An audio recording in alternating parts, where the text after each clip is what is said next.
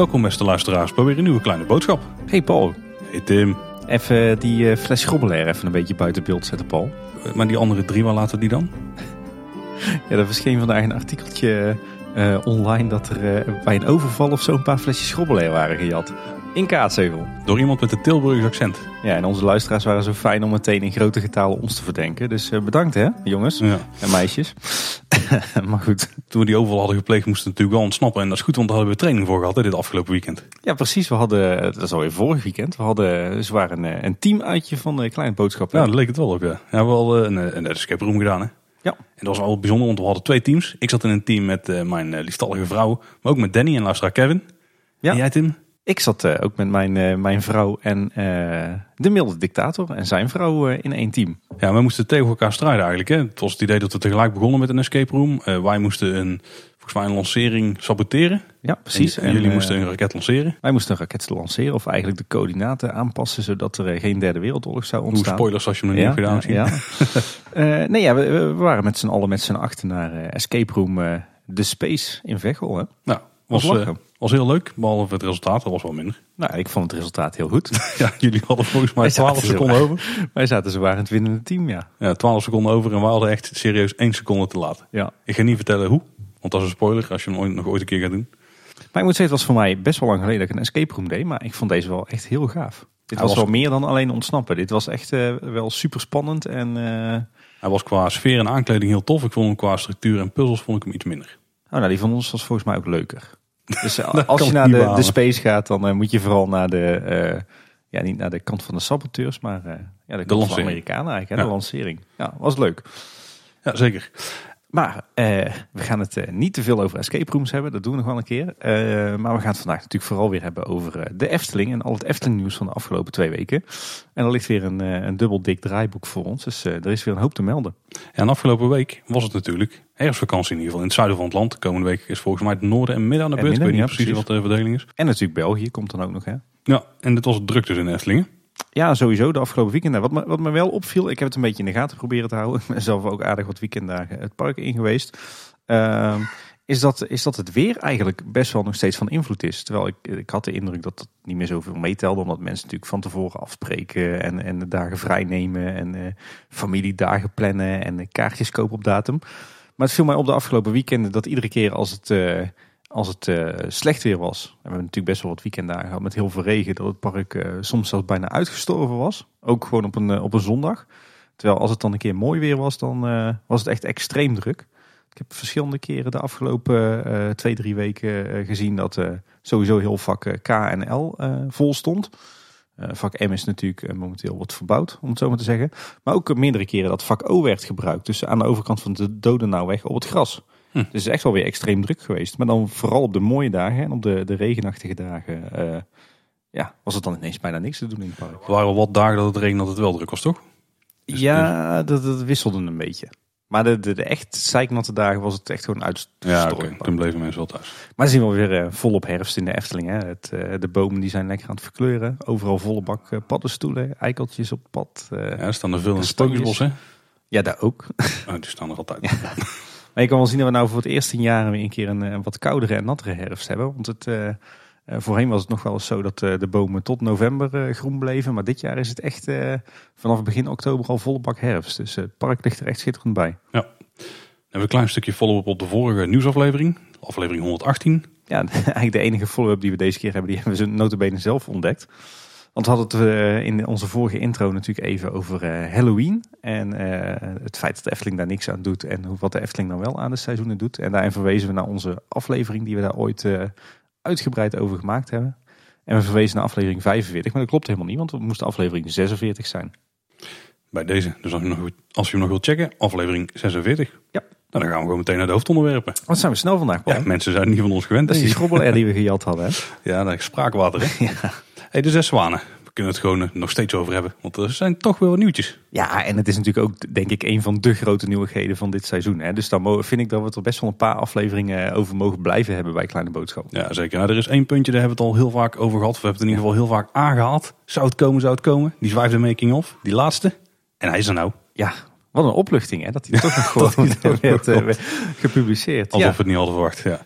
Nee, de, de, de vijfde en laatste aflevering inderdaad. En die stond uh, vrijwel volledig in het teken van uh, de muziek van de Zes Zwanen. Ja, nog een klein stukje het eerste ritje met het project, die aan het einde. Ja, ja, dat was ook leuk. Een beetje, was ook een beetje de afsluiter van heel de serie, denk ik. Ja, inderdaad. Ik, ik had verwacht eerlijk gezegd, want dat hebben ze wel vaker gedaan met making-ofs, dat we ook nog uh, het sprookje echt in bedrijf met bezoekers zouden zien. En wat interviews met bezoekers van wat vond je er nou van. Maar daar hebben ze deze keer niet over uh, gesproken. Maar ja, het meest interessante deel voor ons was natuurlijk wel uh, de, ja, het, de hele muziek, zeg maar. Ja, zeker. Ja.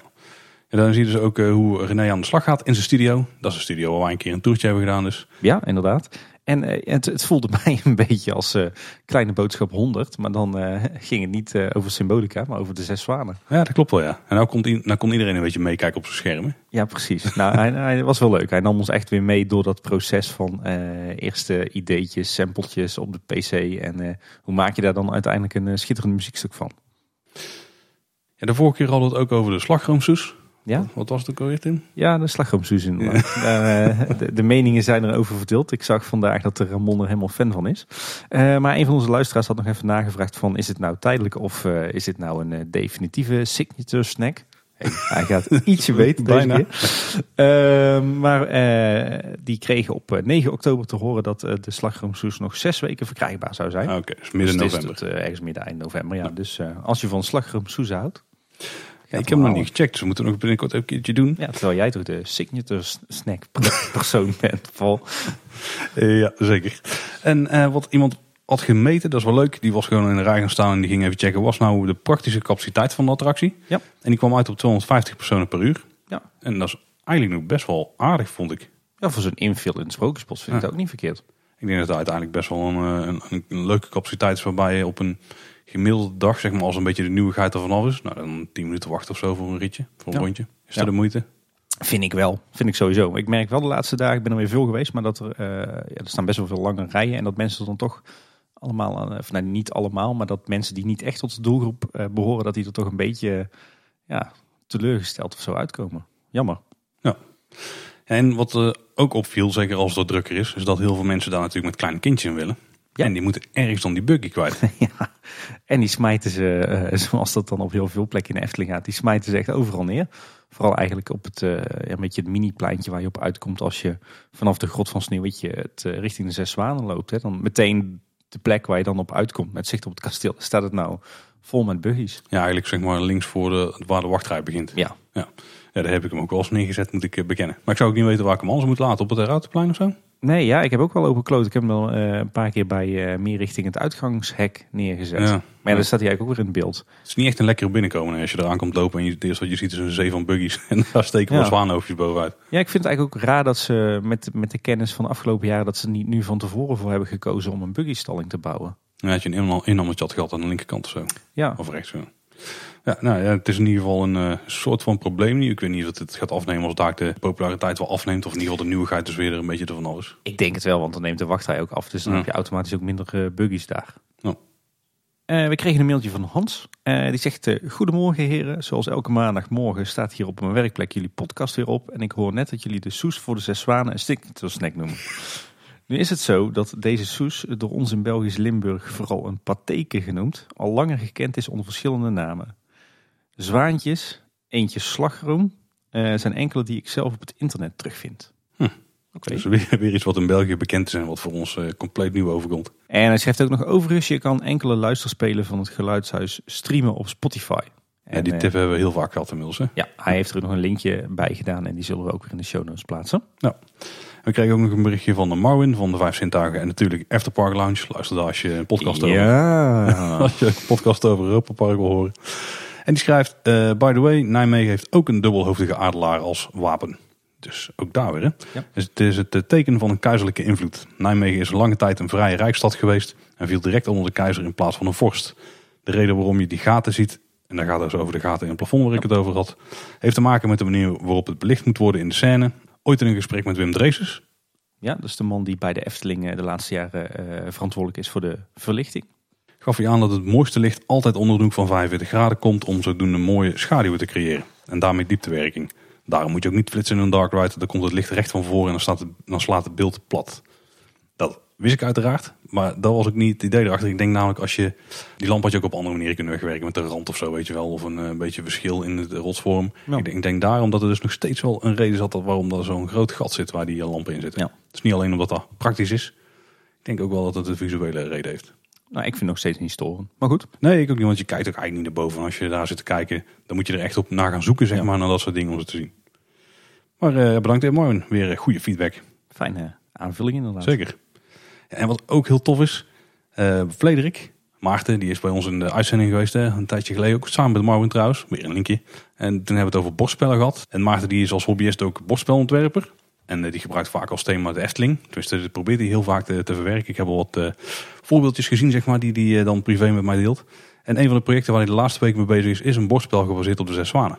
Ja, en ik, eh, hij had op eh, Twitter eh, wat fotootjes geplaatst. Het eh, ziet er weer heel gaaf uit. Ja, ziet er gaaf uit, ja. Met eh, een paar ringen waar je dan doorheen moet bewegen. En waar je volgens mij in zes rondes met de zes zwanen eh, de materialen voor de hempjes moet verzamelen. En ieder, iedere ronde staat er voor een jaar. Dus thematisch klopt het allemaal lekker. hè? Super gaaf dag. Ja. Zou het toch gaaf zijn als die spellen van Maarten ooit een keer door de Efteling worden uitgebracht? Hè? Nou Ja, kijk, het mooie van deze is dat als hij klaar is, dat hij het ook gewoon online kan zetten en dat je het dan kunt printen.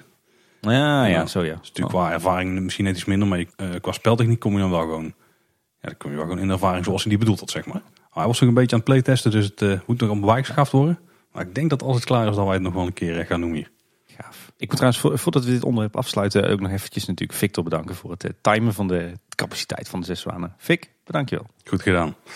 En dan gaan we eigenlijk naar het volgende onderwerp. En misschien wel het eh, momenteel het meest eh, actuele en spannende onderwerp voor de Efteling-liefhebbers. Ja, Fabula. Oh, Bijna goed, Paul. Oh. Bijna goed.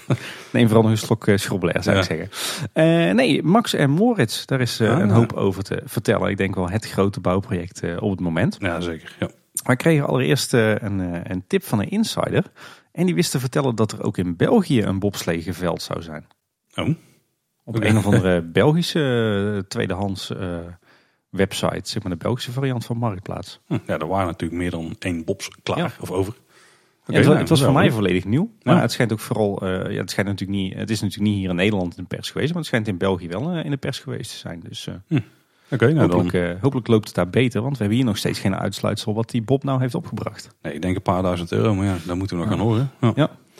En er is al veel gebeurd weer de laatste tijd, want het gaat echt hard hè. Ze zijn echt flink aan het bouwen daar. Er wordt echt heel hard gewerkt, ja. Eh, misschien kunnen we een beetje door de, door de bouw heen lopen. Wat is er zo al gebeurd? Mhm. Eh, als we eerst kijken naar het stationsgebouw, dan zijn ze volop bezig aan dat nieuwe geveltje aan, zeg maar, de, ja, zeg maar het meest rechtse geveltje wat eigenlijk voor het station wordt geplaatst. Ja, waar die grote deur onder zit hè. Die ze, Ja. de kazijn was laatst hebben geplaatst. Ja, inderdaad. Nou, ze zijn dat geveltje nu echt helemaal aan het invullen met een eh, staalconstructie en eh, wat, eh, wat houten plaatwerk. Ehm, het, het, eh, je, gaat eigenlijk, je, je ziet het geveltje al helemaal eh, zijn definitieve vorm krijgen. Ook Ja. met die, eh, die dakconstructie, die punt. Ja, deze komt echt naar voren hè. Ja, deze Steekt daar een uit. Ja. En ik heb, als ik zie wat voor materiaal ze gebruiken, heb ik het idee dat ze zich toch een beetje laten inspireren door de zes zwanen. En dat ze echt bewust hebben gekozen voor een hele lichte bouwwijze.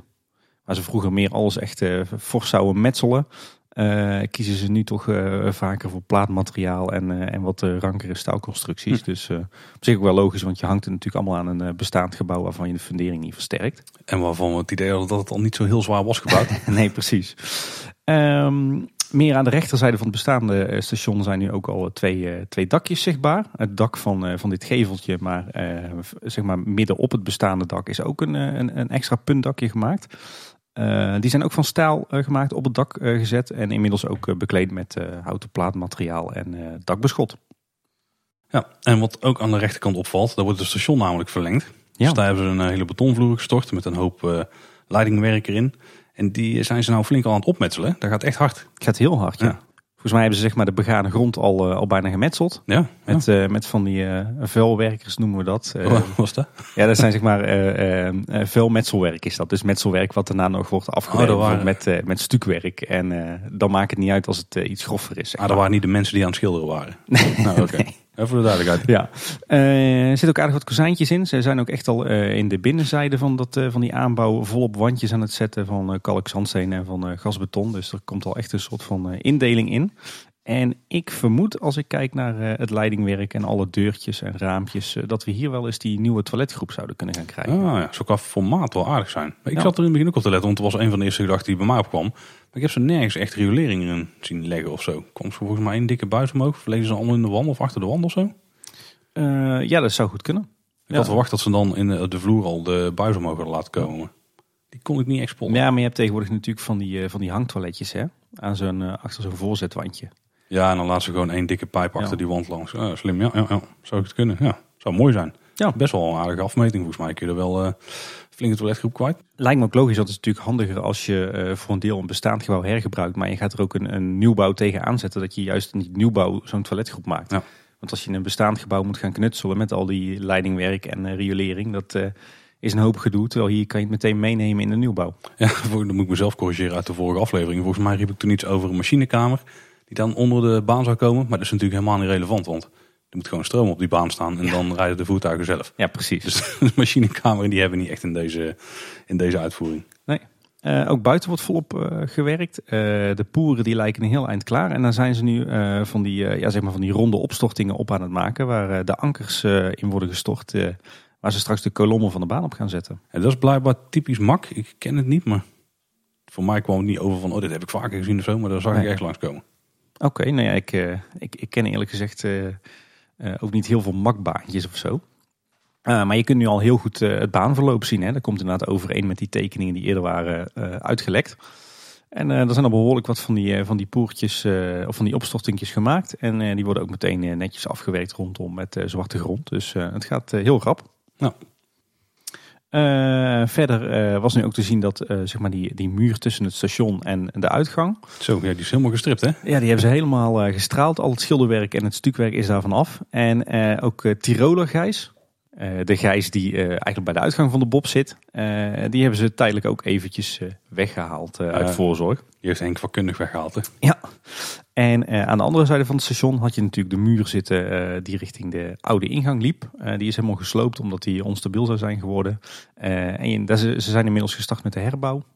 De betonfundering ligt erin. En ik zag vandaag ook dat het, het stelwerk voor het metselwerk al was aangebracht. Nou, tegen de tijd dat je dit hoort, dan ligt er misschien wel beton overheen. Ja, nou, beton zit er al in, want het stelwerk staat er al. En daar zijn ze waarschijnlijk al aan het metselen. Nou, wat je verder ook nog ziet eh, trouwens op het bestaande station... is dat ze nu de, de andere geveltjes die wat meer terug liggen... dat ze die als het ware echt eh, op het bestaande gebouw aan het plakken zijn. Ja, want daar waren die bijvoorbeeld die twee ronde eh, ramen die ze hebben dichtgemetseld. Ja. In de tekeningen zaten daar ramen op, dus ik denk die gaan ze uitslijpen of zo. Dat leek me Ja. heel vreemd, maar ja, hè, als het erop staan. Maar die daar terugkomen, die worden dus fake. Ja. Een beetje de Baron 1898 eh, zijwand eh, benadering, zeg maar. Ja, precies. Ja, je ziet dat ze daar op, het, op het eigenlijk al het bestaande metselwerk van het oude stationsgebouw... zijn ze eh, houten balken en metaal en eh, kozijntjes allemaal op aan het bevestigen. Eh, en als het natuurlijk straks wordt gestuukt en geschilderd, dan zie je dat natuurlijk niet. Maar ja, ze plakken er als het ware een soort schijngeveltjes tegenaan. En verder zag ik ook nog dat in het, in het oude station, zeg maar op de eerste verdieping, waar de bobs voorheen doorheen kwamen, dat ze daar aan het, het, het oude plafond, dat ze daar nu ook bezig zijn met een soort van houten draagconstructie om waarschijnlijk een, een nieuw plafond eronder te hangen. Hm. Er ligt ook een balkenplafond. Ja, en ik heb dus ook begrepen dat ze al flink bu- buiten bezig zijn, in het buitengebied. Ja. Ze zijn natuurlijk eh, allemaal plekken aan het maken voor de banen. En al die, eh, volgens mij doen ze zo dus op veel plekken het een beetje afgraven, dan de fundering erop Ja. storten. Dus de fundering komt wel bijna allemaal op hetzelfde niveau, denk ik. Tenminste van de poeren dan, hè, zoals jij dat altijd mooi noemt. Ja. Ja, volgens mij vullen ze het grondwerk aan, eh, zeg maar bijna tot, eh, tot bovenkant van die ronde opstortingen. Dus je gaat straks niet die grote betonblokken zien. Je ziet alleen maar die, Ja, de ja, zeg maar stalen die cirkeltjes. ja. Oh. Ik ben heel erg benieuwd wat er dan gebeurt uiteindelijk met de baan. Of dat hij een beetje de glooiing van het landschap gaat volgen. Of dat hij echt gewoon in de lucht zweeft en dan zo overal heen gaat. Ik, ik ben ook benieuwd. Ik denk dat laatste eerder. Ja, dat is natuurlijk veiligheidstechnisch ook wel, wel makkelijker. Ja. misschien niet met eh, evacueren, maar wel met gewoon mensen die dan over een hek heen klimmen richting de baan gaan. Want anders is dat natuurlijk gevaarlijk. Ja.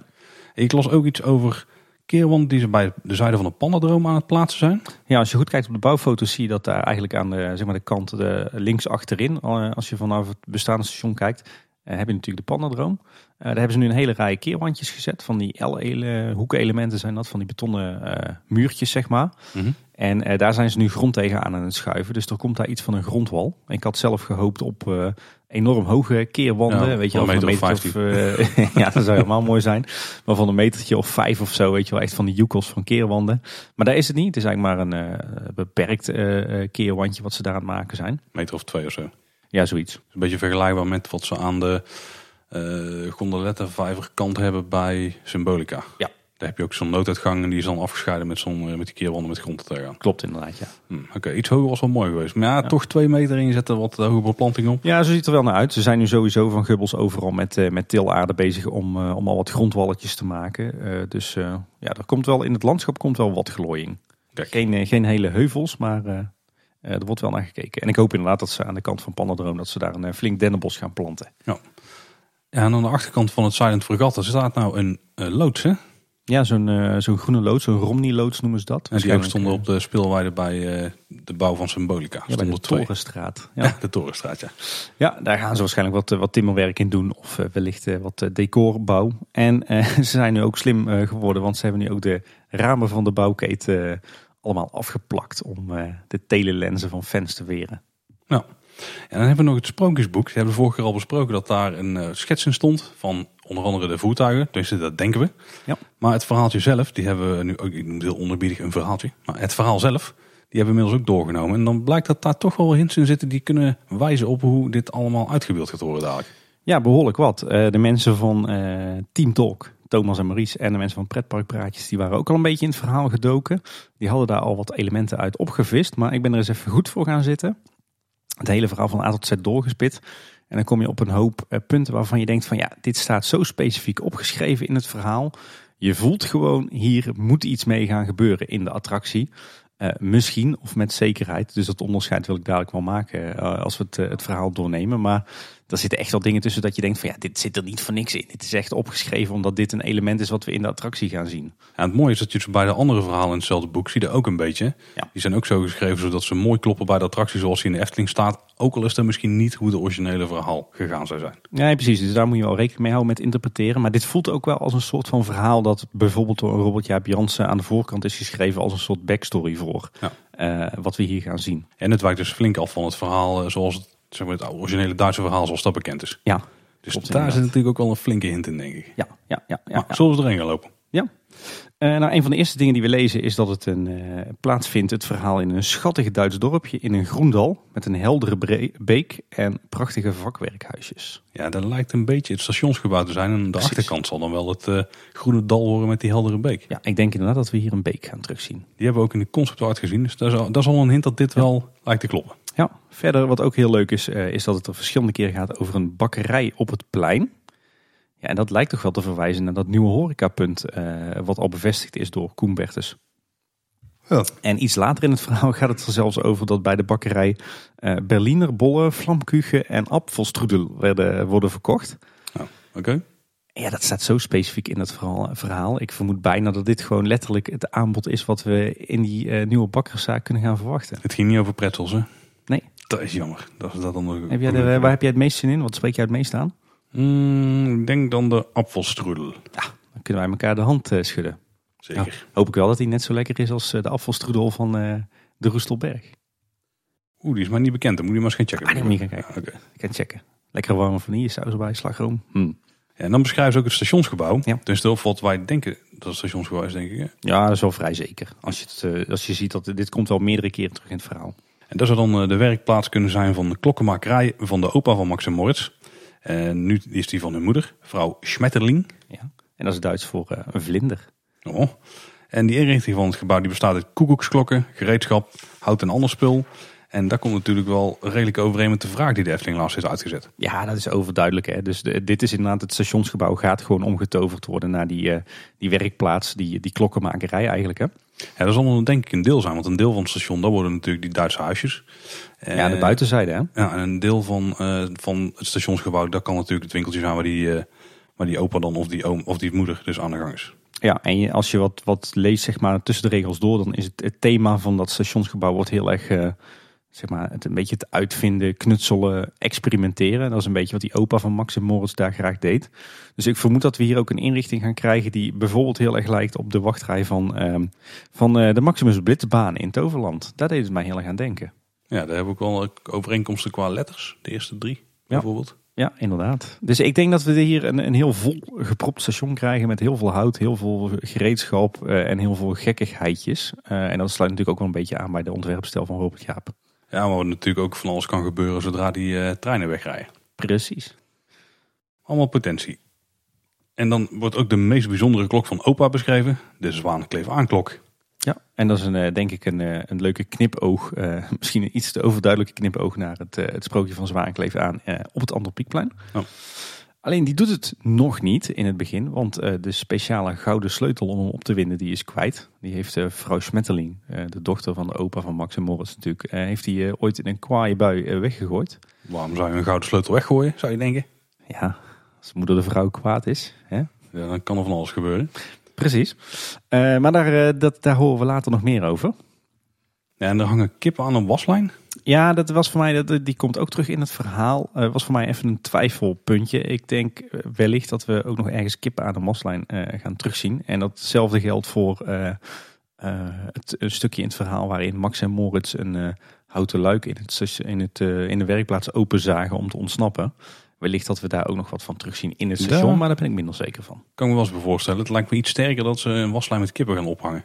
Ja, dus dat is wel een, beetje, wel een beetje in, eh, in lijn met wat we bij de, de oude Tufferbaan hebben gezien eh, natuurlijk begin dit jaar. Oké, maar dan bedoel je denk kippen die op een waslijn zitten? Nee, die aan een waslijn hangen, want er hangt eh, brood aan de waslijn en uh, daar, daar duiken die kippen op. Ah, oké. Ik denk dat ze hangen daar aan lijntjes met touwtjes om hun nek, zo op die manier. Ja, ja dat gelijk aan dode kippen. Maar het zouden levende kippen zijn. Dan. Oh, oké, oké. Uh, iets wat volgens mij wel, wat er redelijk duimendik bovenop ligt, is dat we ergens een huisje gaan zien van kleermaker Buck. Mm -hmm. En voor dat huisje zou een houten bruggetje liggen over een soort van watervalletje. En Max en Moritz die zagen dan iedere pijler voor driekwart door, waarna het bruggetje in elkaar stort. En Herbuk dan in de beek belandt. Hmm, dit heeft wel potentie, ja. Ja, ik zie dit wel als iets wat we in de landscaping kunnen verwachten, zeg maar. Ergens aan die beek. Ja, kijk, wat natuurlijk het geval is, we gaan daar twee rondjes rijden. Ik zie nu best wel, tenminste dat verwacht ik helemaal, ja. de Power Coaster uit meestal twee rondjes. Ik zie nu best wel gebeuren dat we het eerste rondje dan gewoon het zien, zeg maar, de voorsituatie zien en dan we het tweede rondje een soort naast-situatie zien. Precies, daar is dan mijn gevoel bij. En dan zou het natuurlijk kunnen zijn dat je in het eerste rondje hier Buk erop ziet staan en bij het tweede rondje dat die in het water ligt. Precies, en dat het bruggetje naast hem al ja, precies, is. Ja. Wel benieuwd hoe je dat dan vanaf buitenaf zou zien. Maar dit is natuurlijk speculeren. Ze weten niet wat er gaat gebeuren. En ik vermoed dan ook wel dat we een beetje een soort van miniatuurhuisje krijgen hoor. Ik verwacht hier dan uh, geen, uh, geen gigantisch huis of zo toch een klein beetje voor oh, zo. perspectief misschien. Het zou kunnen zijn dat er ook weer een van de huisjes is van het dorpje, wat eigenlijk het station is natuurlijk. Ja. Uh, wat zit er verder nog in? Uh, iets wat we misschien gaan terugzien is Moritz die hengelt naar een uh, gebraden kip van buurvrouw Bolte uit, uit de schoorsteen van haar huisje. Zou nog kunnen, maar ben ik iets minder zeker van. En wat ook heel specifiek wordt benoemd is het, het hondje Spitz van vrouw Bolte. Misschien dat we die nog als animatronic gaan terugzien biedt inderdaad wel perspectief voor heel veel animatronics. Ik zit net te denken, zo, hmm. heel veel karakters, wat diertjes. Ja. Wishful uh, thinking. Ja, zeker, zeker. Ik hou mijn vingers gekruist. Ja, en dan een van de hoofdelementen, denk ik, van het verhaal. Wat heel erg duidelijk wijst op wat hier gaat gebeuren. Een ja, zeepkistenrace. Ja, ja, dat gaat denk ik een beetje het thema worden van de baan. Hè? Ja, dat, ja, ja. en dat, duiden natuurlijk die voertuigen ook heel erg op die op de schets staan. Ja, en als je dan het verhaal goed leest, dan uh, begrijp je ook waarom die voertuigen er zo vreemd uitzien. Mm want Max en Moritz gaan allebei een soort van uh, zeepkist uh, super deluxe, of eigenlijk on-acid bouwen. en Max die doet dat met een opgewonden springveer in een regenton. En Moritz die bouwt zelfs een ontploffingsmotor met buskruid uit het huis van oom Agent. en dat doet hij in een kistje. En aan de achterkant van zijn zeepkist zien we dan een pijp met lont. Dit klinkt super safe. ja, kan, kan, kan niet misgaan, nee. dan kom je erbij. Ja, ook dit ligt weer zo duimendik op het verhaal dat je bijna al denkt van ja, dit moet gewoon het design van de treinen zijn die we hier gaan zien. Ja, en dat is compleet verschillend. Dat is wel echt heel tof. Het is niet dat je twee keer dezelfde body hebt met een ander kleurtje. Maar dit lijkt wel echt compleet anders te worden per trein. Ja, precies. En misschien dus ook dat de laatste wagon dat die ook anders is. Want we hebben hier ehm, aan de achterkant een pijp met lont. Ja, dat zal de andere dan niet hebben.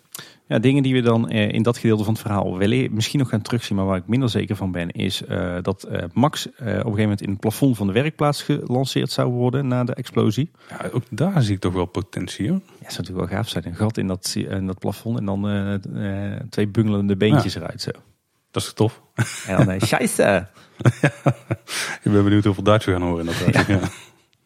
En meester Lempel, de schoolmeester eh, geloof ik van Max en Moritz. eh, die eh, blaast op een gegeven moment zijn eigen kop op. omdat Max en Moritz buskruid in zijn pijp doen. Wellicht zien we nog ergens die meester met een eh, zwart geblakerd gezicht. ja, maar ook hier weer, weet je wel. Als je dus twee keer ergens langskomt en er zit steeds 30 seconden tussen, heb je dus Ja. tijd om die scène gereed, in gereedheid te brengen voor de tweede keer dat je langskomt. Net als vroeger in, dat, in het Mergenwald van Fantasialand. Met dan gewoon zo'n zo'n houten plateau wat dan snel omdraait. Ja, bij wijze van spreken. Er zijn ook wel wat moderne varianten waarschijnlijk. Maar zoiets kan natuurlijk wel. Hè. Die, dat is wel echt een, een, een van de eigenschappen van zo'n eh powered coaster. Ja, en het verhaal eindigt dan eigenlijk met een beschrijving van die zeepkistrace. En ook daar zitten weer heel veel eh, echt dusdanig concrete dingen in dat je denkt van ja, dit, dit kan niet anders dan dat dit ook in de ride gaat terugkomen. Ehm, ze hebben het in het verhaal heel duidelijk over eh, twee routes, twee verschillende routes die Max en Moritz afleggen tijdens hun zeepkistrace. Oh, verrassend. Hè? Het verwijst natuurlijk naar twee, eh, twee banen. Eh, een koperen bel die wordt geluid Oeh. als startschot. Dat gaat Kaat zoveel leuk vinden. Ja, precies. En dat, dat laten ze een van die, eh, een van die lummels uit eh, het leerhuis doen. Want die is toch werkeloos qua, qua belluiden. Die kan er meteen een nieuwe school volgen. Die gaat naar Duitsland, hè? Dus een exchange student. Ja, inderdaad. Hey, goed man. Eh, vrouw Schmetterling, de moeder van Max en Moritz, die, die staat bij de eindstreep en die houdt de tijden bij met haar beste uurwerk. En dan met Sonics plus 1. Oké, dit gaat goed. Juist. Eh, en Max en Moritz hebben voor hun zeepkistenrace een reusachtige stellage van klokonderdelen eh, gebouwd. En hun zeepkisten worden weggeschoten door gigantische springveren. Oh, oké. Hey, springveer, lanceringje. Nou, dit riekt natuurlijk ook wel naar gewoon een, eh, een bak, bak decoratie op het moment dat je het station uitrijdt. Ja, weinig subtiel waarschijnlijk, hè? Ja, dan gaat het er ook nog over dat er massieve blokken lood voor en achter op de zeepkisten zijn bevestigd. Dat zegt misschien wat over het uiterlijk van de treinen. Of eh, de, degene die erin zitten, zie je mijzelf. Dat eh, zijn jouw woorden. Eh, en tot slot, eh, die is ook wel leuk. eh, de zeepkistrace die eindigt vrij dramatisch. Want Max die komt uiteindelijk tot stilstand in een hooiberg en Moritz belandt in een beek. En dat is natuurlijk ook wel iets wat ze heel leuk kunnen uitbeelden. Ja, maar als het idee is dat die in de, eh, in de zeepkist zitten en de zeepkist is dan de trein, dan wordt dat misschien toch wel lastig. Ja, Of ze pompen heel station snel vol met water. en mooi. Ja misschien, misschien eh, cirkelt het beekje wel aan één kant langs het station. En zien we daar, eh, op het moment dat we voor de tweede keer terugkomen, zien we daar eh, Moritz in zijn, in zijn bakkie in de beek liggen. Waar we zelfs nog in zitten op dat moment. Ja, ja dat is dan misschien een beetje tegenstrijdig in het verhaal, maar Ah, het zou kunnen, ja. ja. En Moritz die vindt dan de gouden sleutel van opa terug in de beek. En die zwaankleef aanklok, die doet het dan ineens weer. En dat zou natuurlijk mooi de slotscène op het station kunnen zijn. Het moment dat je voor de tweede keer binnenkomt rijden. Ben ik wel benieuwd hoe ze dat dan duidelijk zouden maken. Maar Ja. ja, zou kunnen, ja. Maar goed, al met al, eh, als je het verhaal dus een keer of twee goed leest, dan eh, heb je tenminste met enige mate van zekerheid kun je toch wel stellen van dat, er, dat je een idee hebt van wat je te zien gaat krijgen. Ja, qua zeker. show en qua storytelling. Ik eh, denk dat hier flink wel hints in verstopt zitten. Ik vind het eh, ja, toch best wel veelbelovend. Ik krijg er steeds meer zin in, ja. Ja, ik hoop dat er niet te veel geschrapt wordt. eh, want dit heeft echt wel potentie. Misschien niet de, de meest spectaculaire baan. Ook in een gevalletje van eh, wat is de doelgroep? Dat moet je even goed in de gaten Ja, houden. absoluut, ja. Ik hoop ook dat de Efteling dit echt gaat communiceren als een nieuwe kinderachtbaan. Tot nu toe communiceren, communiceren ze als een stomme achtbaan, maar ja, dat is waar, ja. Eh, maar dan, dan is inderdaad dit hele verhaal eh, wat eromheen zit, heeft echt wel potentie. Ja. ja. Nou, dat is in ieder geval iets wat we de komende tijd weer goed in de gaten gaan houden. Ja, het andere grote project in de Efteling waar nu al toch wel aan gewerkt wordt, terwijl het officieel nog niet is begonnen, is Fabula. Ja. Want eh, ik denk dat het meest in het oog springt wat we nu zien, er zijn eigenlijk twee dingen. Ze zijn bezig met de souvenirwinkel al. Ja, Die is zelfs al heel veel af, lijkt het. ja klopt. Dat is snel gedaan. Wat me nog niet helemaal duidelijk is, daar zou ook een soort koffiebar inkomen of zo. Maar Ja, Maar- nou, dat is juist nu te zien. Ze hebben dus eh, het leidingwerk aangelegd voor die koffiebar, maar ook eh, eh, eigenlijk het, eh, het hele meubilair daarvoor. Hè. Ze hebben een soort van uitgiftebalie gemaakt. oh ja, Er zit ook zo'n eh, salamander eh, in, heet zo'n ding volgens mij. Eh, dus volgens mij hebben ze juist eh, de hele inrichting voor die koffiecorner al gemaakt. Maar dat wordt dus echt heel erg vergelijkbaar met bijvoorbeeld het barretje in het Carouselpaleis of zo. Ja. Ja, oké, ik vond, dat vond ik namelijk zo vreemd. Ik denk, dan gaan ze het dan toch gewoon uitgeven bij zeg maar, het restaurant en dan ga je het daar opdrinken of zo. Nee, nee, maar ze hebben gezegd, het restaurant, zeg maar, wat nu Octopus is, dat wordt Fabula restaurant, dat worden die wereldgerechten. Mhm. En in Fabula Shop of Fabula Winkel komt een koffiecorner. Oké, eh, koffie komt ook niet echt uit Nederland, hè, dus dat zou ook een wereldgerecht kunnen Ja, zijn. Maar, ja. En wellicht komen daar dan die broodjes van eh, die Zweedse eh, coöperatie. Ja, zou ze dan weer daar zijn? Het, voelt zo verwarrend allemaal. Ja, Oké, per, vooral personeel technisch vind ik het eh, een, een bijzondere keuze. Maar. overigens worden de oude pannendroom souvenirs momenteel eh, voor eh, weinig geld verkocht in de ludiek. Ja, verrassend. Dat is de plek waar alle souvenirs heen gaan om te sterven. Ja, precies. Ik moet er trouwens even gaan kijken nog eigenlijk. Want ik heb net naast zo'n eh, Bob-t-shirt mis, of gegrepen eigenlijk. Die stond hoog op mijn verlanglijst. Uiteindelijk, eh, Er waren alleen nog maar grote maten, extreem grote maten, zeg maar. ja, heb jij mijn buik gezien, eh, Paul. Ja, maar dat was ook voor jou extreem Ja, Oké, oké. Maar ik moet nog even bij de Lutique gaan checken of ze daar misschien zijn gebleven. Want bij de Eftel dingen waren ze de laatste keer dat ik daar binnenliep, waren ze ineens verdwenen tot mijn eh, verdriet. Ja. Maar eh, wie weet. En het andere grote ding wat je nu goed kunt zien, dat is natuurlijk het werk aan de ingang. Ja. Want die is al een tijdje gesloten. Je moet nu via de uitgang naar binnen volgens mij. Ik, ik weet eigenlijk niet precies hoe die route dan gaat. Of dan sla je gewoon die koppen over aan het begin of zo. Ja, ik denk, nou je gaat volgens mij via de uitgang, via het uitgangspad naar binnen. En dan eh, steek je op een gegeven moment wel links door weer richting de ingang. Ja, dus dan, eh, dan kom je niet voorbij die waterval. Ja. niet logisch. Ja, we komen er zo vaak, we gaan zo graag naar Pannendroom. we weten dit precies. Nou, ik ben de laatste tijd zit ik wel vaak in Octopus in de dierenwereld.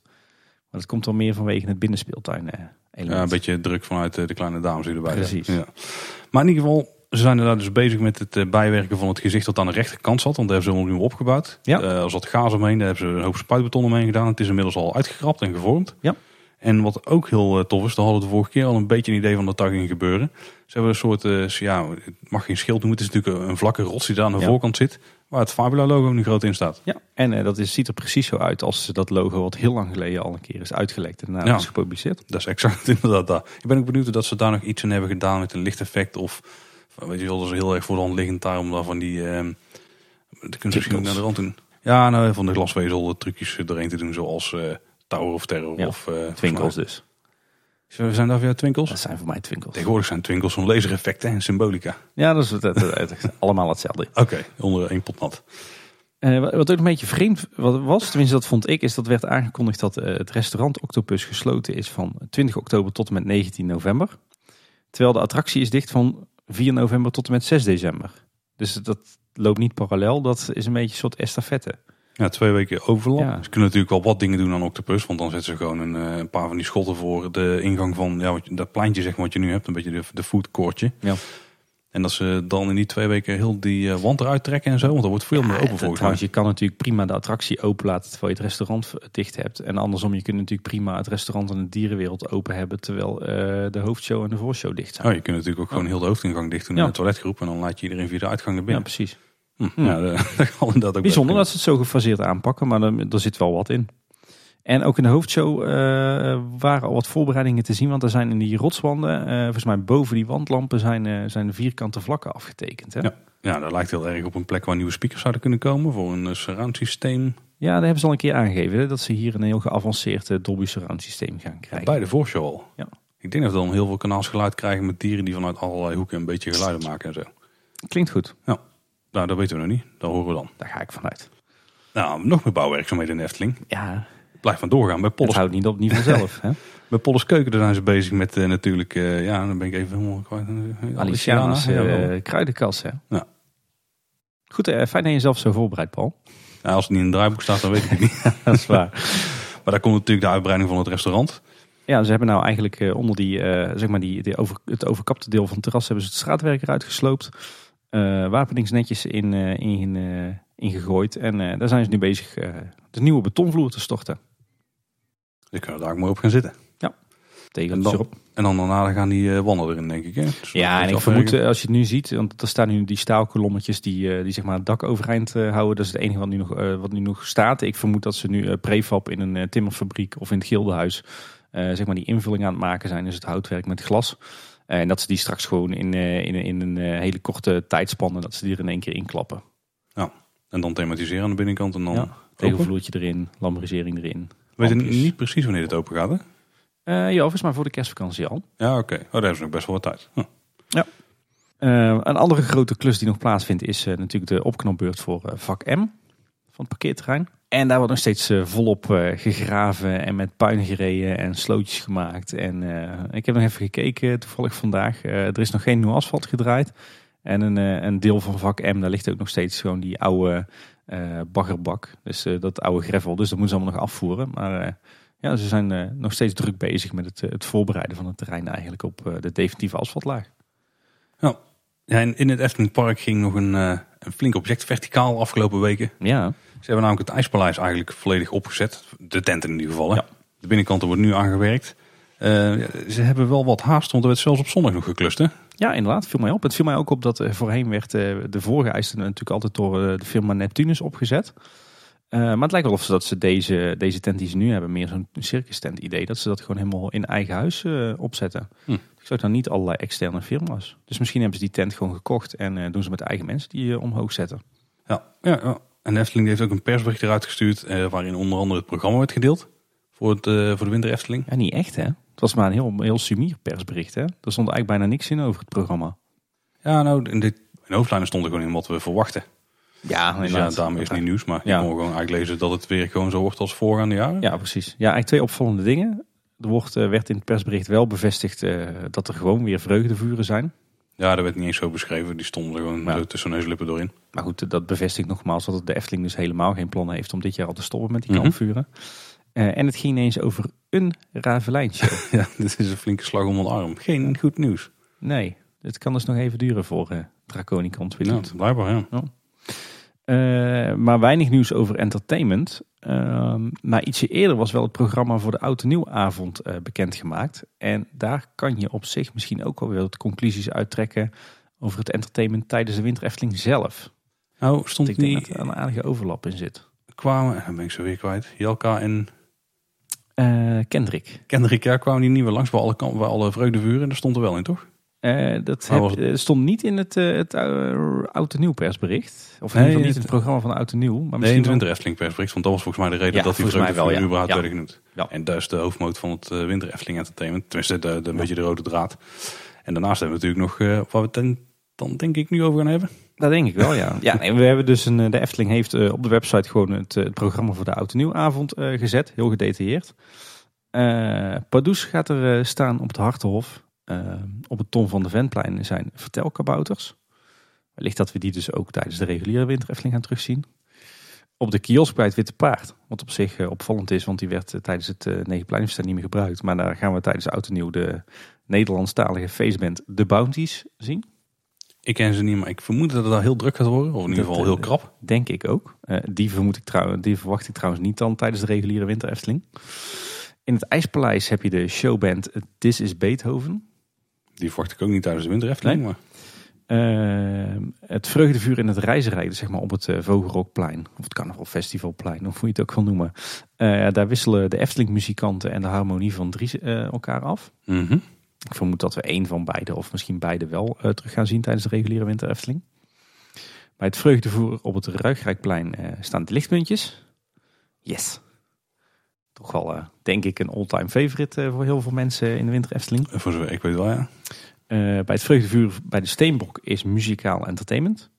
Mm -hmm. Wat een, nog een redelijk vage term is. Ja, dat klinkt nog niet als een Jurgen Freilich natuurlijk. Nee, daar hoorde ik andere mensen op hinten. Maar ik denk, als dat het geval was, dan had het ook wel hier gestaan. Ik denk eerder ja. dat ze nog niemand geboekt hebben voor die locatie. en eh, tot slot eh, keert de Silent Disco ook terug op het Piranhaplein. En ik denk eerlijk gezegd, jammer genoeg dat dat ook alleen is voor oud en nieuw. Ja, dat is al een favorietje bij veel mensen ook. Hè? Ja, dus op zich voor oud en nieuw een, een mooi vol programma, denk ik. Uh, hè, want hiernaast heb je natuurlijk ook nog Aquanura en de vuurwerkshow rond middernacht. Uh, maar als je dus kijkt wat je dan tijdens de reguliere winter Efteling zou hebben, heb je dus Jelka en Kendrick dan. Pardoes, misschien de vertelkabouters op het Tom van de Ventplein. De Efteling muzikanten en of de Harmonie van Drie. De lichtpuntjes. En een muzikaal entertainment bij de Steenbok. Dus allemaal ja. redelijk hetzelfde programma als de afgelopen jaren muzikaal entertainment bij de Steenbok. Dat was er vorig jaar niet, toch? Hmm. Toen hadden we daar dra- of de, de ja, die, trouwens, uh, misschien dat dat dan wel alleen is voor uh, oud en nieuw. Zou kunnen natuurlijk. Misschien krijgen we daar wel weer het reuzenradje. Het uh, ja, nostalgische ratje. Ja. Zou wel gaaf zijn. Was een leuke, leuke extra attractie. Ik heb wel weer zin in de winter Efteling. Ja, uiteraard. Ik heb altijd zin in iets van de Efteling. Maakt eigenlijk niet uit welk seizoen het is. Hoe mooi de herfst ook is. Ik moet zeggen, hier, wordt, eh, hier thuis wordt alweer enige tijd iedere dag de videoclip van Fairy Tales All Around You. Okay. En brengt me toch wel in de stemming. En waar ga je dan draaien tijdens de winter Efteling? Nou, het is ongeheurd, ongeheurd wat hier gebeurt natuurlijk. die die draaien we trouwens ook al. We kregen ook een vraag van een anonieme luisteraar. Hoi kleine boodschap. Ik weet niet of hij tegen ons heeft als een kabouter. Ik ga er even vanuit tegen ons. Ik heb een vraag. Ik heb het idee om de Efteling te bezoeken met oud en nieuw. Hebben jullie hier ervaring mee? Er staat er echt, ja, keep up the good work en ik geniet iedere aflevering weer. Met vriendelijke groet. Anoniempje. Juist. Uh, gaan. Heb je er ervaring mee? Dat is de vraag. Oh. ja, ik ben één keer geweest. We hebben één keer oud en nieuw in Efteling gevierd met een grote groep vrienden. Uh, toen heeft de hele avond en nacht uh, geregend. Vonden mijn vrienden niet zo leuk. Ik vond het niet zo erg. Uh, ja, ik heb een topavond gehad. Ik ben er nog nooit geweest, maar het klinkt altijd heel goed. Ik ja, wel altijd meegenieten van het vuurwerk als kaatsheuvelnaar. Ja, ik ook. Dat doet, dat doet iedereen hier volgens mij. Nee, ja, weet je wat het is? Um, ik vind het zelf altijd wel leuk om een feestdag als kerst of, of oud en nieuw, om dat is niet thuis te vieren met familie en, uh, en op de bank en met kaartspelletjes en, uh, en, uh, en borrelnootjes en zo. Weet je, er is natuurlijk niks lekkerder dan op zo'n feestdag gewoon lekker naar buiten gaan en het gewoon op een leuke locatie vieren. Um, en dat geldt zeker voor oud en nieuw. Ik bedoel, wat is nou fijner dan zo'n bijzonder moment in het jaar juist te vieren in onze geliefde Efteling? Nee, op de bank met een schrobbelertje en zoutstiks is ook goed, hè? Ja? Ja. Ja, ja ik, ik, ben, ik heb toch nog steeds eigenlijk wel de voorkeur om gewoon lekker op pad te gaan en uh, iets te doen. Ik denk, in Efteling heb je ook schrobbelertje natuurlijk. Ja. Zijn ze niet zo gratis als uh, die flessen die hier onder tafel staan natuurlijk. Nee, precies. Maar uh, ja, nee, weet je, het is gewoon hartstikke leuk. En mijn ervaring, wat, wat ik dus zelf heb meegemaakt en wat ik de, jaren daarna heb gezien, is dat de Efteling gewoon een heel leuk evenement in elkaar heeft geknutseld. Met lekker eten en drinken, oliebollen, champagne, aquanura, vuurwerk, entertainment. Ja, weet je, ga gewoon lekker. Dat zou mijn advies zijn. Als je twijfelt, zeker gaan. Um, en kijk even goed wat je wil. Hè. Ik denk dat, het, uh, dat je jezelf s'avonds prima kan vermaken met al het entertainment en die feestbands en wat eten en drinken. En, uh, en oliebollen, champagne en vuurwerk. Dus wil je ook alle attracties doen, dan is het misschien eh, een aanrader om dan al overdag te gaan. De ervaring leert dat oudjaar overdag meestal erg rustig is. En dat het pas vanaf een uur of zeven, als het, het hardticket event begint, dat het dan pas echt druk begint te worden. Dus wil je ook alle attracties doen, omdat je niet, uh, niet heel vaak in de Efteling komt, ga dan zeker overdag. En richt je gewoon s'avonds lekker op al die bijzondere dingen die de Efteling voor Oud en Nieuw uh, organiseert. Nou, kan ik wel vinden. Ja. Wil je het een keer gaan doen, Paul? Want jij zegt dat je het nog nooit hebt uh, uitgeprobeerd. Nee. Over, dat was trouwens niet antwoord op de vraag. Nee, ja. dat, was bevestiging, dat was een bevestiging dat ik het nooit had geprobeerd. Ja, ik denk het wel. Ik weet alleen niet of dat ik vrouw liever echt warm voor krijg. Hm. Oké. Dus misschien moet ik een keer met jou gaan. Ja, gezellig met z'n twee oud en nieuw vieren. Ja, hartstikke goed. En met ja, alle familie erbij. Het is nu nog niet zo handig met die kleine kids. Hè. Die wil je eigenlijk gewoon in, eh, in hun eigen bed hebben liggen. Ja, daar heb ik niet echt mee, nee. nee. nee. Maar over een paar jaar misschien. Bosrijk hebben we een tijdje geleden over gehad. Dan gaan ze de appartementen ombouwen naar familiekamers. En daar heeft de Efteling nu uh, veel meer over bekendgemaakt. Er komen 78 nieuwe vierpersoons familiekamers. Ja, en dat is volgens, meer dan, uh, volgens mij dan dat in eerste instantie werd aangekondigd. Want niet alleen het poorthuis wordt, uh, wordt uh, onder handen genomen, maar ook het landhuis. Oké, okay, nou. En ze gaan de bestaande appartementen in zowel het landhuis als het poorthuis dus verbouwen tot vierpersoons familiekamers. Nou, ja, daar hebben ze ook wat concept art van vrijgegeven. Ja. Ziet er strak uit. Ja. Kregen we wel wat van commentaar links en rechts van is het Eftelings genoeg? Ja, dat hebben we bij Bosrijk altijd wel een beetje gevonden natuurlijk. Maar... Ja, en volgens mij is het ook, uh, als je even de, de themakamers in het Efteling Hotel buiten beschouwing laat, is het ook altijd een bewuste keuze van de Efteling geweest om juist de verblijfsaccommodaties uh, maar heel terughoudend Eftelings te maken. Hè. Daar moet je tot rust komen en even niet uh, in die, zeg maar in dat bombardement van Efteling sfeer zitten dan moet je lekker in het park. En in de verblijfsaccommodatie mag dat wat meer terughoudend. Als ik het vergelijk met Disney, dan denk ik dat deze kamers meer Efteling zijn dan dat de nieuwe Disney-kamers Disney zijn. Uh, ik zag bijvoorbeeld wel wat details als een kroonluchter met van die kaarsjes erin en zo, weet je wel, als hoofdverlichting. En ja, meestal, meestal doen ze dat. Hè. Dan, dan houden ze de inrichting uh, heel basic. Maar dan doen ze met, met details en uh, een stukje decoratie, aankleding maken ze toch weer. En ik denk dat het moeilijk is om de sfeer goed te proeven van zo'n concept art. Want bij Bosrijk blijkt ook dat als je foto's ziet en je bent er echt, dan maakt het toch wel wat verschil. Ja, ja. ja wat gaan ze doen? de kamers die krijgen een ruime zithoek en een aparte slaapkamer met stapelbed. Dus dat is ideaal voor ouders met jonge kinderen. Eh, de kitchenettes, dus zeg maar de mini keukentjes, die worden vervangen door een koelkastje en café en eh, koffie- en theefaciliteiten. En alle 78 kamers die hebben straks eh, hotelservice, dus een dagelijkse schoonmaak. Elke dag schone handdoeken als je dat zou willen. En je mag ook meedoen met het ontbijtbuffet. Ja, sommige kamers die worden ook uitgevoerd als alle geen arme kamers. Dus dat is nou, wel goed. Ja. Weer een extra doelgroep die je aanboort natuurlijk. En die maken ze dan stofarm door microvezeldoekjes te gebruiken. En zo min mogelijk geparfumeerde schoonmaakmiddelen. En er worden ook luxe kamers gebouwd. Die hebben dan twee aparte slaapkamers, een zithoek, een bubbelbad, een infraroodsauna en bij aankomst een kinderverrassing en prosecco. Ja. En de kinderverrassing dan voor papa en mama en de prosecco voor de kids. Ah, Oké, dat is niet hetzelfde, gelukkig. Nee. Eh, ik denk trouwens dat ze hiervoor eh, appartementen gaan samentrekken. Want dit gaat natuurlijk nooit passen in zo'n klein eh, appartementje in het poorthuis. Ja, dan moet je dan inderdaad ook die sauna nog kwijt kunnen en een bubbelbad. Hm. Ik denk dat ze het dan van twee appartementen één kamer maken. Weet je, wat, weet je wat- wat me wel opviel? Ik heb het idee als ik die conceptartsen zag en ik lees het... dat ze zich ook wel heel erg hebben laten inspireren door Ja. Guesthouse Hotel. Hotel. Hè? Ja, onze vriend Koen Schelvorst. Ik eh, dacht het ook, ja. Zeker die focus op die familiekamers. En eh, ja, ik, ik moet zeggen, ik vind het wel, eh, wel goed. Ik heb ook het idee dat het wel echt het gevolg is van het feit dat, eh, dat de Efteling nu met business units werkt. Hè. We hebben natuurlijk best wel vaak afgegeven op het feit dat het bedrijf nu in allerlei mini-BV's wordt gesplitst. Eh, maar ik heb nu wel de indruk dat, eh, dat, er, dat de verblijfsaccommodaties wel echt een, een kwaliteitsimpuls krij- krijgen. Eerst al vanwege eh, die nieuwe menukaarten. Die toch van een heel ander niveau zijn dan eh, wat het voorheen was. Mhm. En nu wordt er hier ook weer heel erg eh, vanuit die, eh, zeg maar echt die verblijfsrecreatiehoek gekeken. Eh, heel erg naar wat is nou de vraag, wie is nou de doelgroep. Ik heb wel het idee dat dit ook komt omdat, juist omdat het nu een aparte business unit is. Dat er toch een, een directie op zit die echt zegt van we kijken gewoon puur even naar de verblijfsaccommodatie. Wat willen wij nu gaan doen om het goed te laten lopen? En mocht je nou willen boeken vanaf 3 januari 2020, dan kun je die familiekamers dus voortaan vanaf al één nacht boeken. Dus dan hoef je ook niet meer een heel weekend of zo eh, te doen. En de aankomstdag is dus een vrije keuze. Dus je hoeft niet meer op vrijdag of maandag aan te komen. Nee, ook een hele goede ontwikkeling denk ik. En ook een klein beetje afgekeken van het guesthouse hotel. Hè? Eh, van ieder hotel. Ja, Eh, en vanaf november worden eerst de 54 appartementen in het landhuis verbouwd. En in januari 2020 de 24 appartementen in het poorthuis. En de eerste familiekamers die zijn al voor de kerstvakantie gereed. Ik ben ook wel heel benieuwd waar de mensen die in het landhuis zitten dan hun eh, ontbijtbuffet moeten nuttigen. Want als je 's ochtends naar het poorthuis moet lopen, of in ieder geval naar ehm, eh, het eethuis, dan is het ook best wel een endje. Ik vermoed dan dat ze beneden in het, eh, in het landhuis ook een soort van ontbijtzaaltje gaan maken. Oh, hoe moeten dan, als wij nou weer een keer een kleine boodschap daar willen gaan opnemen? Ja, de volgende keer hebben we natuurlijk veel meer dan 80 man publiek. Ah, dus dan gaan we gewoon in het carouseltheater zitten. Of in het Efteling Theater. Ja, rustig aan Tim. 1200 luisteraars erbij hè. Eerder deze aflevering halen we al aan het sprookjesboek En ze leven nog lang en gelukkig. Want daar staat natuurlijk het verhaal van Max en Moritz in. De vorige aflevering hebben we het er ook al over gehad. Toen hebben we er vluchtig een beetje erheen gebladerd. Maar we hebben nog een grondige, ah, nou een grondig, we hebben weer onderzoek gedaan hè, naar de inhoud van het boek. Ja, we hebben eigenlijk weer gewoon de afgelopen twee weken er lekker in gebladerd. Hè? Nee, ik denk, we moeten het er toch nog eventjes over hebben. Omdat, ja, ik vind het toch wel een van de tofste Efteling projecten van 2019. Eh, wat me, waar we het de vorige keer niet over hebben gehad. We hebben wel gezegd dat eh, de 30 eh Efteling sprookjes erin staan.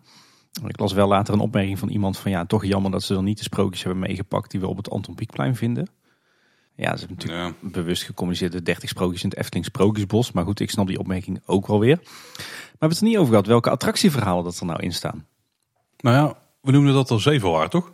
Ja, dat heeft Efteling volgens mij zelf ook altijd gecommuniceerd. Ja, ja en misschien klopt het technisch gezien ook wel. Maar er staan acht niet-sprookjes in, hè?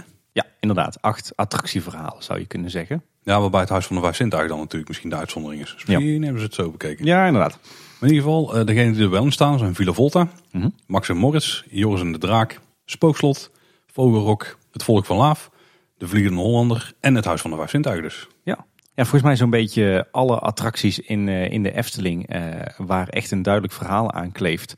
Eh, met uitzondering van natuurlijk twee attracties die een eigen boek hebben. Baron 1898 en Ravelijn. Maar verder volgens mij een redelijk complete collectie. Nou, van de Python heeft iedereen die moer, hè? Dat staal met de verhaal. Precies. Ehm, maar het zijn dus acht verhalen en geen zeven. Het Huis van de Vijf Zintuigen heeft eigenlijk een sprookjesboek. Ja, en bovendien is het ook nog eens zo dat het originele verhaal van de Huis van de Vijf Zintuigen speelde Pardoes een hele belangrijke rol in. Was overigens ook een heel krom verhaal hoor. En nu is Pardoes er volledig uitgeschreven. Nu gaat het over de Koningszoon en zo, hè? Ja. Ja. Ja, wat me daarbij wel opviel is dat er echt, als je de, de inhoudsopgave erbij pakt, is dat ze echt heel inconsequent met hoofdletters omgaan. En kleine letters bij attractienamen. De ene keer is alles hoofdletters, dan weer de helft, dan weer alles klein. Heel vreemd. Ik heb eens niet dat ik had meegeschreven, maar dat zo mag Dat is een dingetje van jou dan. eh. En als we dan een beetje naar de ontwerptekeningen kijken, want dat hebben we het de vorige keer al over gehad. In tegenstelling tot oude sprookjesboeken, die waren echt geïllustreerd. Nu krijgen we veel meer mee van eigenlijk de ontwerptekeningen die zijn ge- gemaakt tijdens het ontwerpproces. Tenminste, dat neem ik aan. Ja. Volgens mij zijn een paar illustraties wel echt specifiek gemaakt voor het boek. Zoals die van eh, de Zeemermin. Ja, en volgens mij ook eh, de, de tekeningen van de zes zwanen. Dat zijn ook meer illustraties dan echt ontwerptekeningen, geloof ik. Ja, nou, daar zitten wel van beide wat bij. Ja. Maar ik, eh, ja, ik ben toch eens even gaan bladeren van, joh, wat zijn nou de, de hoogtepunten in het, in het boek? En ik ben ook wel benieuwd wat jij daarvan vindt, Paul. Maar ja, eigenlijk het, de eerste, eh, eerste die mij heel erg opvalt is eh, eigenlijk de, de vlotte schets van Anton Pieck op de voorkant. eh, voor het kasteel van Doornroosje.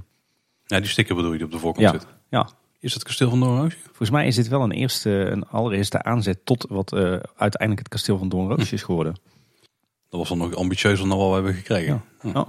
Ehm, Nee, ik moet zeggen dat ik dus nog niet het hele boek heb doorgenomen. Mijn kinderen die kwamen fanatiek maar aanrennen als ze een boekje mochten uitkiezen. maar die zijn er de laatste dagen wel minder fanatiek mee. Oké. Dus eh, ik heb nog niet alles gezien. Oké, nou wat ik ook heel mooi vind zijn eh, de hele gedetailleerde tekeningen van eh, Sander de Bruin voor de Zes Zwanen. Daarna vinden we een hele, ook weer een hele vlotte tekening van Anton Pieck. Maar dat is een soort van bird's eye view zou je kunnen zeggen van het, het sprookje van de zeven geitjes. Hing die niet in het Sprookjesmuseum? Die kwam me bekend voor. wel. Ja. Heel mooi, want daar zie je dus niet alleen het huisje op, maar ook alle, alle verschillende onderdelen van de landscaping, zeg maar. Zou Ja, zo, ja, ja, ja. Waarbij de moedigheid achterin staat. Ja. Verder hele mooie tekeningen van Tom van der Ven voor Villa Volta. Heel gedetailleerd. Hele mooie potloodtekeningen. Eh, ook een, eh, een aantal hele mooie potloodtekeningen van Karel Willemen voor Assenpoester. Heel mooi scherp potloodje getekend. Heel veel detail erin. En ook een hele mooie Assenpoester. Die zin lijkt, eh, lijkt het uiteindelijke animatronic niet op wat Karel er blijkbaar ooit voor getekend heeft. Ehm, een hele snelle schets van Anton Pieck voor een eh, totaal ander huisje voor Roodkapje dan dat we het nu kennen. Ook heel mooi om te zien hoe dat, dat dus ontstaat. Ehm, een paar tekeningen, eh, of eigenlijk een tekening van Piek en een tekening van Tom van der Ven voor de Chinese nachtegaal. Dus Piek natuurlijk voor eh, de eerste uitvoering op dat muurtje waar nu Draak Lichtgeraakt op zit. En Ton van de hele, zeg maar hele buitengevel van Mhm. het, het sprookje zoals we dat nu kennen. Allebei volgens mij tekeningen die we nog niet eerder hebben gezien. Ja, die van Piek kwam ook wel bekend Hm. voor. Maar, ja. Eh, een aantal hele mooie sfeertekeningen van Karel Willemen voor Joris en de Draak. Ook weer met, eh, met een mooi scherp potlood gemaakt, maar dan volgens mij met aquarellen ingekleurd. Heel van sfeervol. de draak met die eieren ervoor. En eh, ook van de baan die zo eh, door het bos heen gaat. Het Nee, nee, nee, nee, nee. Het zijn echt meer illustraties eh, die het verhaal Hm. uitbeelden. Oh, oké. Een draak Etna erop en eh, Joris. En iemand maakte al een opmerking op social media van kunnen ze niet die tekeningen van Karel groot afdrukken en daarmee het verhaal vertellen in de wachtrij in plaats van met die tv-schermen. Ja, ja, ja, ja. Eigenlijk een paar droedels van Ton en, en ook een paar mooie uitgewerkte potloodtekeningen voor het, het spookslot. Mhm. Ook heel mooi als sferisch om te zien. Eh, een, een tekening die ik nog, tot nu toe nog niet eerder had gezien van Piek voor het, eh, eigenlijk het tafereeltje met het huisje van de dwergen. Zoals we dat kennen in de grot van Sneeuwwitje. Ook heel sfeervol. Ehm, natuurlijk eh, de centerfold van Vogelrok. Hè? Dat schilderij zoals we dat kennen uit de opstaphal. Mhm. Ook weer een paar mooie vlotte tekeningen van Anton Pieck voor de Indische waterlelies. Een aantal mooie tekeningen van Ton voor het lavelaar. Dan weer een hele vlotte schets van Piek voor Kogeloog. Was ook gaaf om te zien. Ehm, een aantal mooie tekeningen van Karel voor de Vliegende Hollander. En zeker die van de encounter scène eh, vind ik wel echt heel gaaf. Zeg maar het moment dat je dat, dat spookschip tegenkomt. En eh, die komt mij nog bekend voor, want die heb ik ooit zelf ingescand en gekopieerd en naar het archief gebracht. Eh, maar die geeft wel heel mooi weer wat eigenlijk de bedoeling was van eh, de Vliegende Hollander en wat het uiteindelijk is geworden. Hm, is goed bestuderen, die tekening. Zeker doen. Ehm, ook die, eh, die hele gedetailleerde potloodtekening van Tom van der Ven voor het Huis van de Vijf Zintuigen is heel Mhm. mooi. Die hebben we natuurlijk wel al eerder gezien, maar die geeft ook mooi weer eh, wat ooit bedoeld was met eh, zeg maar de kassa's en het kraaiennest eh, van het Huis van de Vijf Zintuigen. En wat ik tot slot ook mooi vond, is de originele tekening van Piek voor die, die muurschildering bij de rode schoentjes. Ja, zoals hij er nu ook weer veel beter op staat. Hè? Ja, inderdaad. Dus ja, volop eye candy eigenlijk in dat, in dat boek, hè? Ja, nou, als je dus heel veel van het boek wil weten en je hebt hem zelf nog niet gezien. Op Efteling staat weer een recensie van Femma Markenstein. Die doet altijd heel veel van die sprookjes eh, Ja. eh, zaken posten op eh Eftelist. Dus eh, check die zeker even. Die staat volgens mij in de mail als je daarbij aangesloten bent, maar ook op de site. Hè? Ja. En, eh, en anders eh, eh, denk ik dat er binnenkort wel een, eh, een recensie van Ramon Heren komt eh, op Eftelist of op eh Eftepedia. En dan gaan we alweer naar onderhoud. Ja, inderdaad. Eh, we hebben een hoop follow-up puntjes qua onderhoud. Eh, niet zozeer correcties, maar wel eigenlijk dingen die sinds de vorige nieuwsaflevering eh, net even wat anders zijn uitgepakt. Was zijn ik afgerond. Villa Volters, daar maar eens beginnen. Ja. Want daar hadden we die eh, Hydro-unit gezien. Hè? Waar we ja, wel een beetje twijfelachtig van was Ja. van waar wordt die nou voor Ja. Eh, is het allemaal toch iets minder eh, eh, ingrijpend dan we dachten of misschien hoopten. Het onderhoud is inmiddels gereed. En een insider wist mij te vertellen dat die hydro-unit die op de foto is gezet, dat dat echt de hydro-unit is voor de beugels. Nou, dus Dat niet heeft voor niks het met draaien. te maken. Ja, school, ja. We weten inmiddels ook dat Hugo een weekje is weg geweest voor onderhoud. En dat ze toen gelijk ook maar even al die decoratie op zijn stoel eraf hebben gehaald. Of rond zijn stoel eraf hebben gehaald en hebben schoongemaakt. En eh, op zich doet Hugo het weer heel mooi. Alhoewel ik wel wat filmpjes zag van wat, eh, wat opstartprobleempjes zeg maar, bij Hugo. Het draait op Windows 95. of zo. Dat is al wel gezien de tijd. maar eh, had hij nou een nieuw masker gekregen? Want dat was me nog niet helemaal duidelijk. Durf ik ook niet te zeggen. Viel me wel op dat de, de bewegingen van zijn mond weer veel, eh, eh, ja, zeg maar, Uitgesproken al waren. veel uitgesprokener waren ja, dan dat het was. Dat zie je altijd wel. Na- Als Hugo zo'n onderhoudsbeurt krijgt, dan beweegt hij daarna eh, even weer een tijdje veel heftiger dan, eh, dan na verloop van tijd. Zo geldt ook bij iemand. Nee, zo geldt niet bij iemand die net een operatie heeft gehad.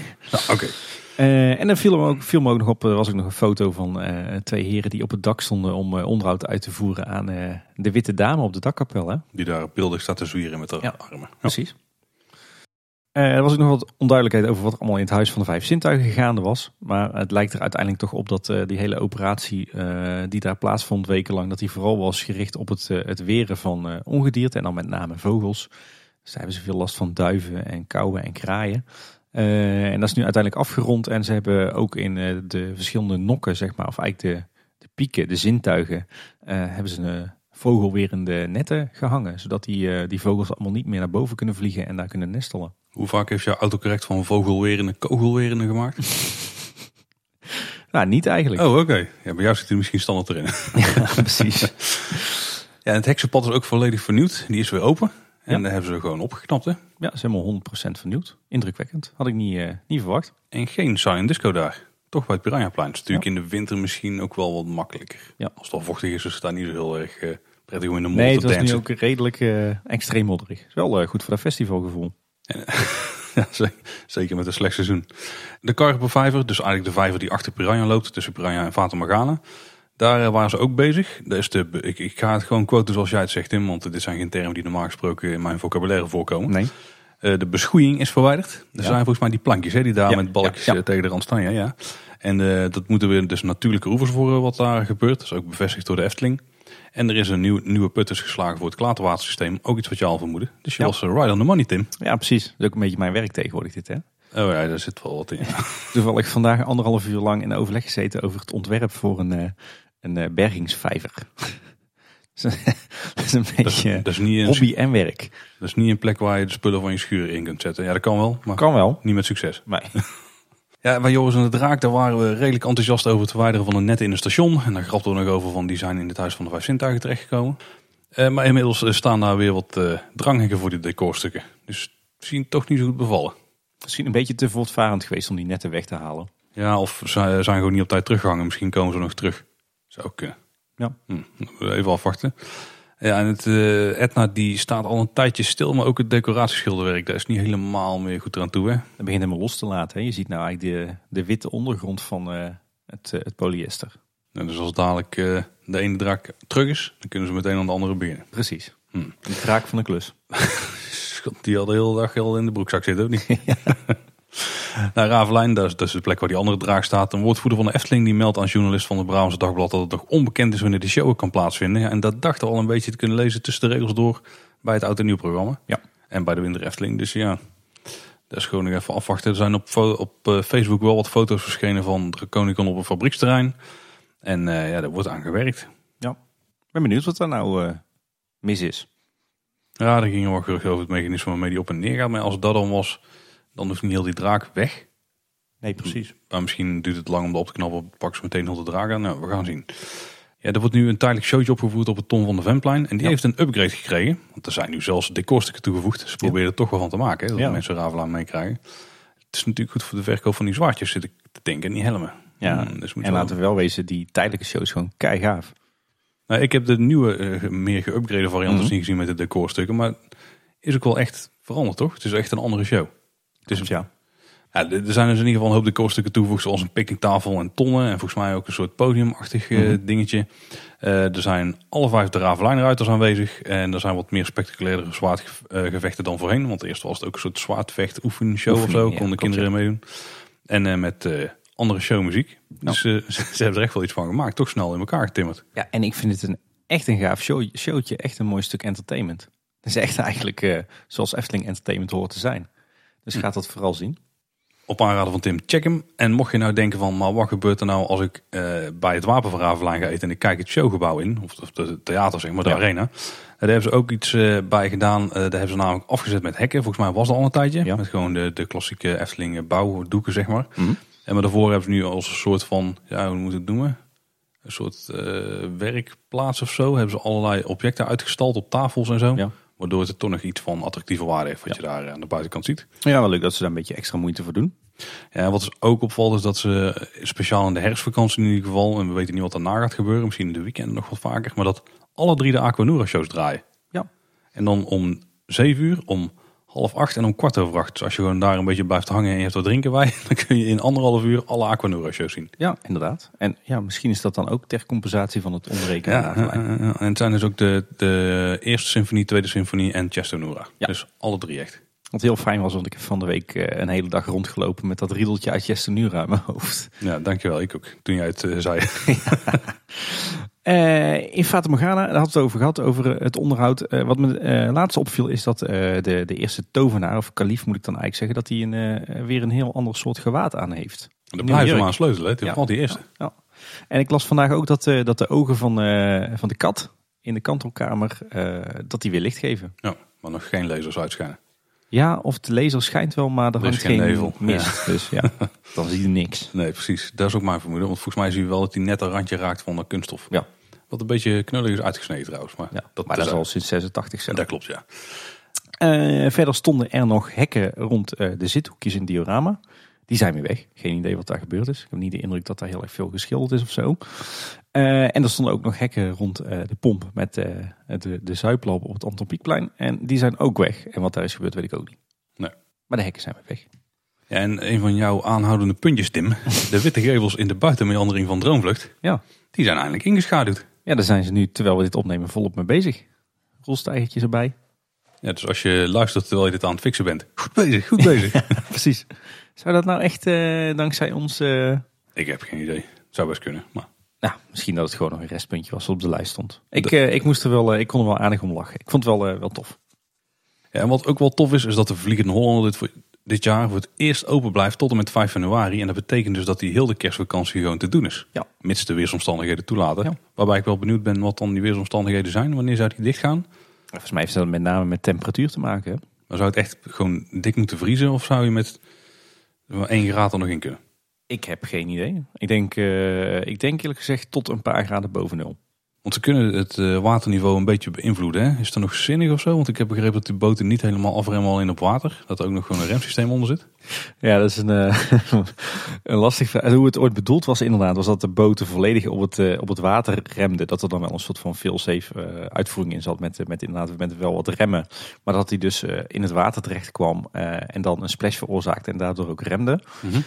dat ging in de praktijk niet zo goed. Dus toen is het allemaal aangepast. De boten die komen nu zeg maar boven de waterstand aan. Remmen gewoon op remvinnen. En er zijn speciale splashbuizen aan de boot gemaakt. Eh, aan beide zijden die dus water scheppen en eh, uit die buizen spuiten. Dus eh, eigenlijk bootsen ze de splash na. Ehm, bij het systeem zoals het ooit bedoeld was, was het verhaal van nou, we kunnen in de winter het, het waterpeil lager zetten. ehm, waardoor je dus minder splash maakt. Ehm, en dan heb je dus wel die, die remmen nodig.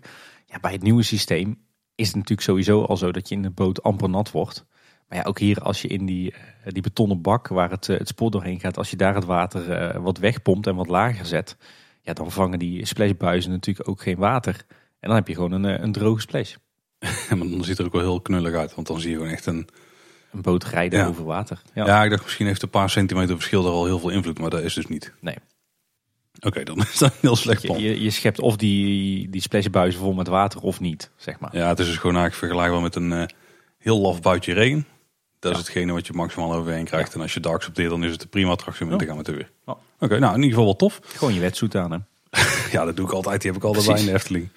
En de Piranha eh, die is tot 1 december open. Wat ook volgens mij iets langer is dan normaal. Ja. Dus eh, ja, nog langer genieten van de waterattracties. Of eh, ja, afnisten in de waterattracties. Dat kan ook. Ja, en dat eh, is, gaan, is eigenlijk ook een wens van de Efteling om, hè, om eh, attracties meer winterhard te maken. De Vliegende Holland die gaat trouwens als het goed is eind februari 2020 weer open. En Piranha op eh, 28 maart 2020. Dat is trouwens wel bijzonder. De wens van de Efteling is om meer attracties winterhard te maken. En nu laten ze twee langer open. Maar die maken ze winterhard er eigenlijk niks aan te doen. En ze niet winterhard aan maken. Ja, ja. Dan gewoon in te spelen op global warming en hopen dat dat genoeg is. Ja. Oké. Of hopen dat de bezoekers minder flauw zijn. dat kan natuurlijk ook, ja. Gewoon onderwijs, hè. Eh, wat kleine puntjes nog over onderhoud. Eh, in Kindervreugde, de speeltuin, eh, werd wat onderhoud uitgevoerd aan wat speeltoestellen. Onder meer aan de, de banden onder de wippen. In het Lavelaar is orgellaaf Ludwig weer helemaal weggehaald. Dus niet alleen de laaf, maar ook zijn hele orgel. Waarschijnlijk voor een stukje onderhoud. Eh, mij viel op dat eh, je bij de Wensbron heb je zo'n mooie, mooie plakkaat. En eh, die is helemaal eh, zeg maar erin uit, eh, uitgelezerd. Maar er is de Weenauw eh is weggevallen. Dus eh Die is naar de Ensbron, zeg maar. Oh. Dat is natuurlijk meer Efteling staal, hè, met een E. Eh, verder viel op dat er eh, langs het eh, pad, zeg maar, als je vanaf ehm, Symbolica naar het Marenrijk loopt, langs eh, het diorama en de Marskramer af, dat er op een paar plekken echt eh, enorm forse bomen gekapt zijn. Oh, Waarschijnlijk waren die dan eh, niet, eh, niet gezond en stabiel meer. Ehm, in, het, eh, in het Lavelaar, de molen van het Larikoekenhuis, die staat weer eens stil. verrassend. Dat is ook zo'n eh, puntje wat dan wel dan weer niet werkt. Mij viel op in het Sprookjesbos dat ze het afdakje waar Moeder Geit onder staat, dat ze die gestut hebben. Met een hele grove constructie. Ze hebben wel netjes gebijtst in dezelfde kleur als het afdakje, maar het ziet er vrij lomp uit. Dus ik hoop eerlijk gezegd dat dit om iets tijdelijks gaat. Eh, en wat dan weer wel mooi was, maar het kan zijn dat het al wel weer wat langer is, is dat eh, in het eh, kasteeltje van de stiefmoeder van Sneeuwwitje hebben ze alle kaarslampjes vervangen door LED. Maar dat zijn hele mooie, mooie kaarslampjes geworden. Ook die met zo'n flikkerend, Ja. flikkerend vuurtje erin hebben? Ja, wel anders dan bij de Zes Zwanen, maar ze zien er heel vrij uit. Dan moet je zeker, zeker gaan kijken. Hm. en eh, tot slot viel me nog op, ze hebben natuurlijk laatst bij het Carouselpaleis wat schilderonderhoud gedaan. En ook nog eens goed staan kijken naar die, eh, zeg maar die, die glaspartijen in die, die twee gangen die naar het diorama leiden. Eh, dan hebben ze die, die glasroutes weer knalrood geverfd. Maar ik weet niet hoe ze het gedaan hebben. Maar het lijkt alsof ze met de blok, het blokwast hebben gedaan. Want er is meer glas geverfd dan, dan glasroutes. Dat was de, de afplakker was met vakantie, denk ik. Ja, ik denk dat ze dikke halen snel thuis dachten of zo. Dus ik Hmm. hoop dat er iemand nog met een eh, terug mag komen met een scheermesje. Want het is een beetje lomp uitgevoerd. Niet chic. Nee. Dan hebben we nog kort nieuws. Er staan weer een paar nieuwe video's op YouTube. Een onderuit van de Vliegende Hollander. Waarbij ze heel tactisch eh, het binnenstuk weg hebben gelaten. Want er is immers ook gewoon met de camera niet zo heel veel te zien. Vond ik wel verrassend eigenlijk. Ja, hoe lang, die duurt ook niet zo heel lang dan. Of hebben ze heel de vaart naar binnen dan ook erbij zitten. Nou, een stukje. En Efteling tips. En ze hebben in dit geval een onderwerp gepakt dat wij nog niet hebben aangehaald, Tim. Nee, Zo beleef je de beste ochtend in de Efteling. Ja. Toch doen wij dat wel vaak. Gewoon halve dagen naar de Efteling. ja, juist de ochtend dan. Ja. Die kunnen we ook wel eens gaan maken dan die aflevering. Ja, kijken of dat we de video of dat we de aflevering ongeveer eh, 15 keer zo lang kunnen maken als video's. ja, precies. Eh overigens viel me wel op dat er een nieuwe voice-over was eh, bij deze eh, video. Eh, namelijk eh, Joey van der Velde, oftewel uh, Pardoes. Was ook bij de opening van de Zes Zwanen. Ik weet niet in welke Ja. hoedanigheid, maar Ja, ik, ik begreep dat hij tegenwoordig voor Slam werkt, maar volgens mij doet hij ook, eh, is hij ook wat aan het bijbeunen voor Efteling Kids Radio. ah, oké, oké. Want daar hoorde ik hem ook op. Als we het ook over Efteling Kids Radio hebben, die zenden van 14 tot en met 27 oktober uit vanuit het Nederlands Instituut voor Beeld en Geluid. Ja. En dat is de gelegenheid van 100 jaar radio in Nederland. En dan hebben ze daar onder andere radioworkshops, live-uitzendingen en eh, bekende radiomakers komen langs. Maar ik weet niet waarom ze dan specifiek bij Efteling Kids Radio uitkomen. Nee, weet ik ook niet. Is daar zo'n eh, hoog, hoog aangeschreven radio, online radiostation? Ik denk juist omdat dat vooral de kinderen aanspreekt natuurlijk. Zou dat het kinderradiostation van Waal- Nederland zijn? Ik Dat denk ik wel. wou van Waalwijk zeggen. Maar. Dat zal het vast en zeker ook zijn. ja. Oké, en dan komen dan onder andere Michiel Veenstra en Rob Jansen langs. Ja. Ook bekende namen uit de pretpark zien. Hè? Ja, zeker. Die Kunnen wij ook niet daar een, eh, een workshop eh, radio maken volgen of zo? Misschien wat de podcast ook wat beter van. Ja, maar we zijn misschien niet... Oh ja, dat is wel een goeie. Maar we zijn misschien niet echt grote namen in... eh, Of bekende radiomakers, laat taap houden. Ja. Dan eh, viel mij op, ik heb de laatste tijd is de LinkedIn-pagina van de Efteling in de gaten eh, gehouden. Moet je ons iets vertellen, Tim. Nee hoor, Eh, daar ben ik vrij open in. Die is natuurlijk gewoon openbaar toegankelijk. Maar het leuke is dat de Efteling daar wat andere dingen opdeelt dan via andere kanalen. Veel meer natuurlijk eh, eh, veel vacatures, maar ook best wel wat, eh, wat meer corporate dingetjes, zoals het Mhm. dan goed Nederlands heet. Een paar interessante dingen. Ze hebben nu een promofilmpje gemaakt met als thema hoe is het nu echt om bij de Efteling te werken. Oh, dus daar gebruiken ze niet die video van Chantal Jansen voor. Van een tijdje geleden. Oké. Nee. En dan ze- vertellen ze onze medewerkers vertellen hoe zij aan verwondering meewerken. Let op, na het bekijken van deze video kan het zijn dat je een carrière switch wil maken. Nou, dat moet je zeker doen, want ik, eh, als je een beetje van de Efteling houdt, eh, dan moet je in ieder geval ooit wel een keer bij de Efteling gewerkt hebben. Oh, ik dacht dat het over die carrière switch had. Dus Dat mag- heb je mag dus wel ook altijd. ja. Maar op zich was die wel leuk. Dat was echt een ontzettend leuk eh, filmpje. Ik weet niet of je hem ook hebt gezien, Paul. Nee, nee, nee. nee, nee. Het was een heel gaaf filmpje. Heel veel eh, Efteling-medewerkers, bekend en minder bekend, eh, die op hun werkplek, en vaak dan een hele aparte plek, hebben ze dan gekozen, hun verhaal deden over hoe fantastisch het is om bij de Efteling te werken. Op de draaischap van de Fata Morgana, maar ook in de Aquanura vijver, eh, in een kookpot van Monsieur Cannibal. Dus dat was wel leuk. Maar dan hebben ze er ook nog eens verschillende Efteling-bewoners doorheen gemixt. De sprookjesboom die, eh, die cynisch vertelt over zijn werk in de Efteling en Langnek. En echt hele droge humor. En eh, er zitten ook wat bloepers in. En Pardoes zit erin met de stem dus weer van Joey van der Velde. Het was echt een super gave productie. Oké, Moet ja, echt zien. Ik, ik, ik heb hem met kippenvel zitten bekijken op een gegeven moment. Dus dat hebben ze echt heel goed gedaan. Kunnen we gewoon de LinkedIn pagina checken van de Efteling dus. Ja, wij zullen het linkje wel even in onze show notes zetten. Helemaal goed. En er was ook nog wat aandacht voor de week van de vitaliteit. In de Efteling eh, hebben ze nu een werkgroep opgericht, Vitaliteit. En die heet nu eh, het Sporthuis. Goh, verrassende naam. Inderdaad. Eh, en wat ook nog leuk was om te zien is dat er in september twee shows in het Efteling Theater zijn geweest voor en door medewerkers. Onderdeel daarvan was een spelshow onder leiding van Jamai Lohman en als teamcaptains meneer en mevrouw Tijd. Die kennen Mhm. natuurlijk van Caro. En daarbij werd het personeel verdeeld in een team rood en een team blauw. En die gingen de strijd met elkaar aan. Maar er waren ook gastoptredens van BN'ers en een Efteling Corps. Volgens mij heb ik daar wel foto's van gezien op René Merkelbach, zijn Instagram of zo. Mhm. En er werden wat eh, medewerkers in het zonnetje gezet. Ja, ik kreeg een gouden daspeld. Yes. Hey, en er is ook eh, merchandise. Ja, ook iedere week eh, of iedere twee weken weer een vast onderdeel bij ons in de podcast. Hè? Ja, ze- brengen ook veel uit. Ja. Er zijn een carnaval festival, ja, volgens mij omschreven ze zelf als winterballen. ja, heb ik ook wel eens last van. Daar kan ik dan niet over mee praten. Eh, maar er zijn dus eh, ja, kerstballen, maar ze noemen ze iets neutraler, zodat je ze ook kunt laten hangen denken. En dan hoef je niet te schamen als je je kerstboom al eh, opruimt voor drie koningen. Nee, na drie koningen. Nou ja, ik denk meer is als je vanuit je geloofsovertuiging geen kerst viert. Dat zou ook kunnen, dat zou ook kunnen. Ehm, daar hebben ze trouwens wel wat typische winterse figuren erop gezet. Ja, Zoals de Mexicaan. maar wel een Eskimo. Ja, oké. De boerin die hebben we in Nederland natuurlijk ook wel wat winter. En Jokie. En dat zijn dan de vier figuren. En die hebben een lichtgevende neus en een eh, winterse carnaval festival melodie. En die kosten per stuk 5 euro. En een setje van drie die heb je voor 12,50. Ja, dat is dan weer jammer, want dan heb je er drie, maar het zijn er vier. Hoezo? ja, dat heet dan een upsell, Tim. Dan moet je voor die ene toch Oh, weer ja, 5 euro lappen. hè? Ja. Ga je ze kopen? Nee joh, ben ik gek. Niet? ik ga wel proberen het, eh, het hier in huis zo, eh, zo te draaien dat mijn oudste dochter eh, mijn vrouw overtuigt om die kerstballen te kopen. Nou, weet je wat het is? Bij ons de, de, de top-eigenschap van een kerstbal is dat hij gewoon kunststof is. En dat hij niet kapot kan vallen. En daar voldoen deze wel aan volgens mij. Ja, daarom. Alleen de melodie de hele dag in de woonkamer, daar zit ik er niet echt op te wachten. Daar heb je al een punt, ja. Dus eh, ik hoop dat het bij jullie ook meevalt. Mm.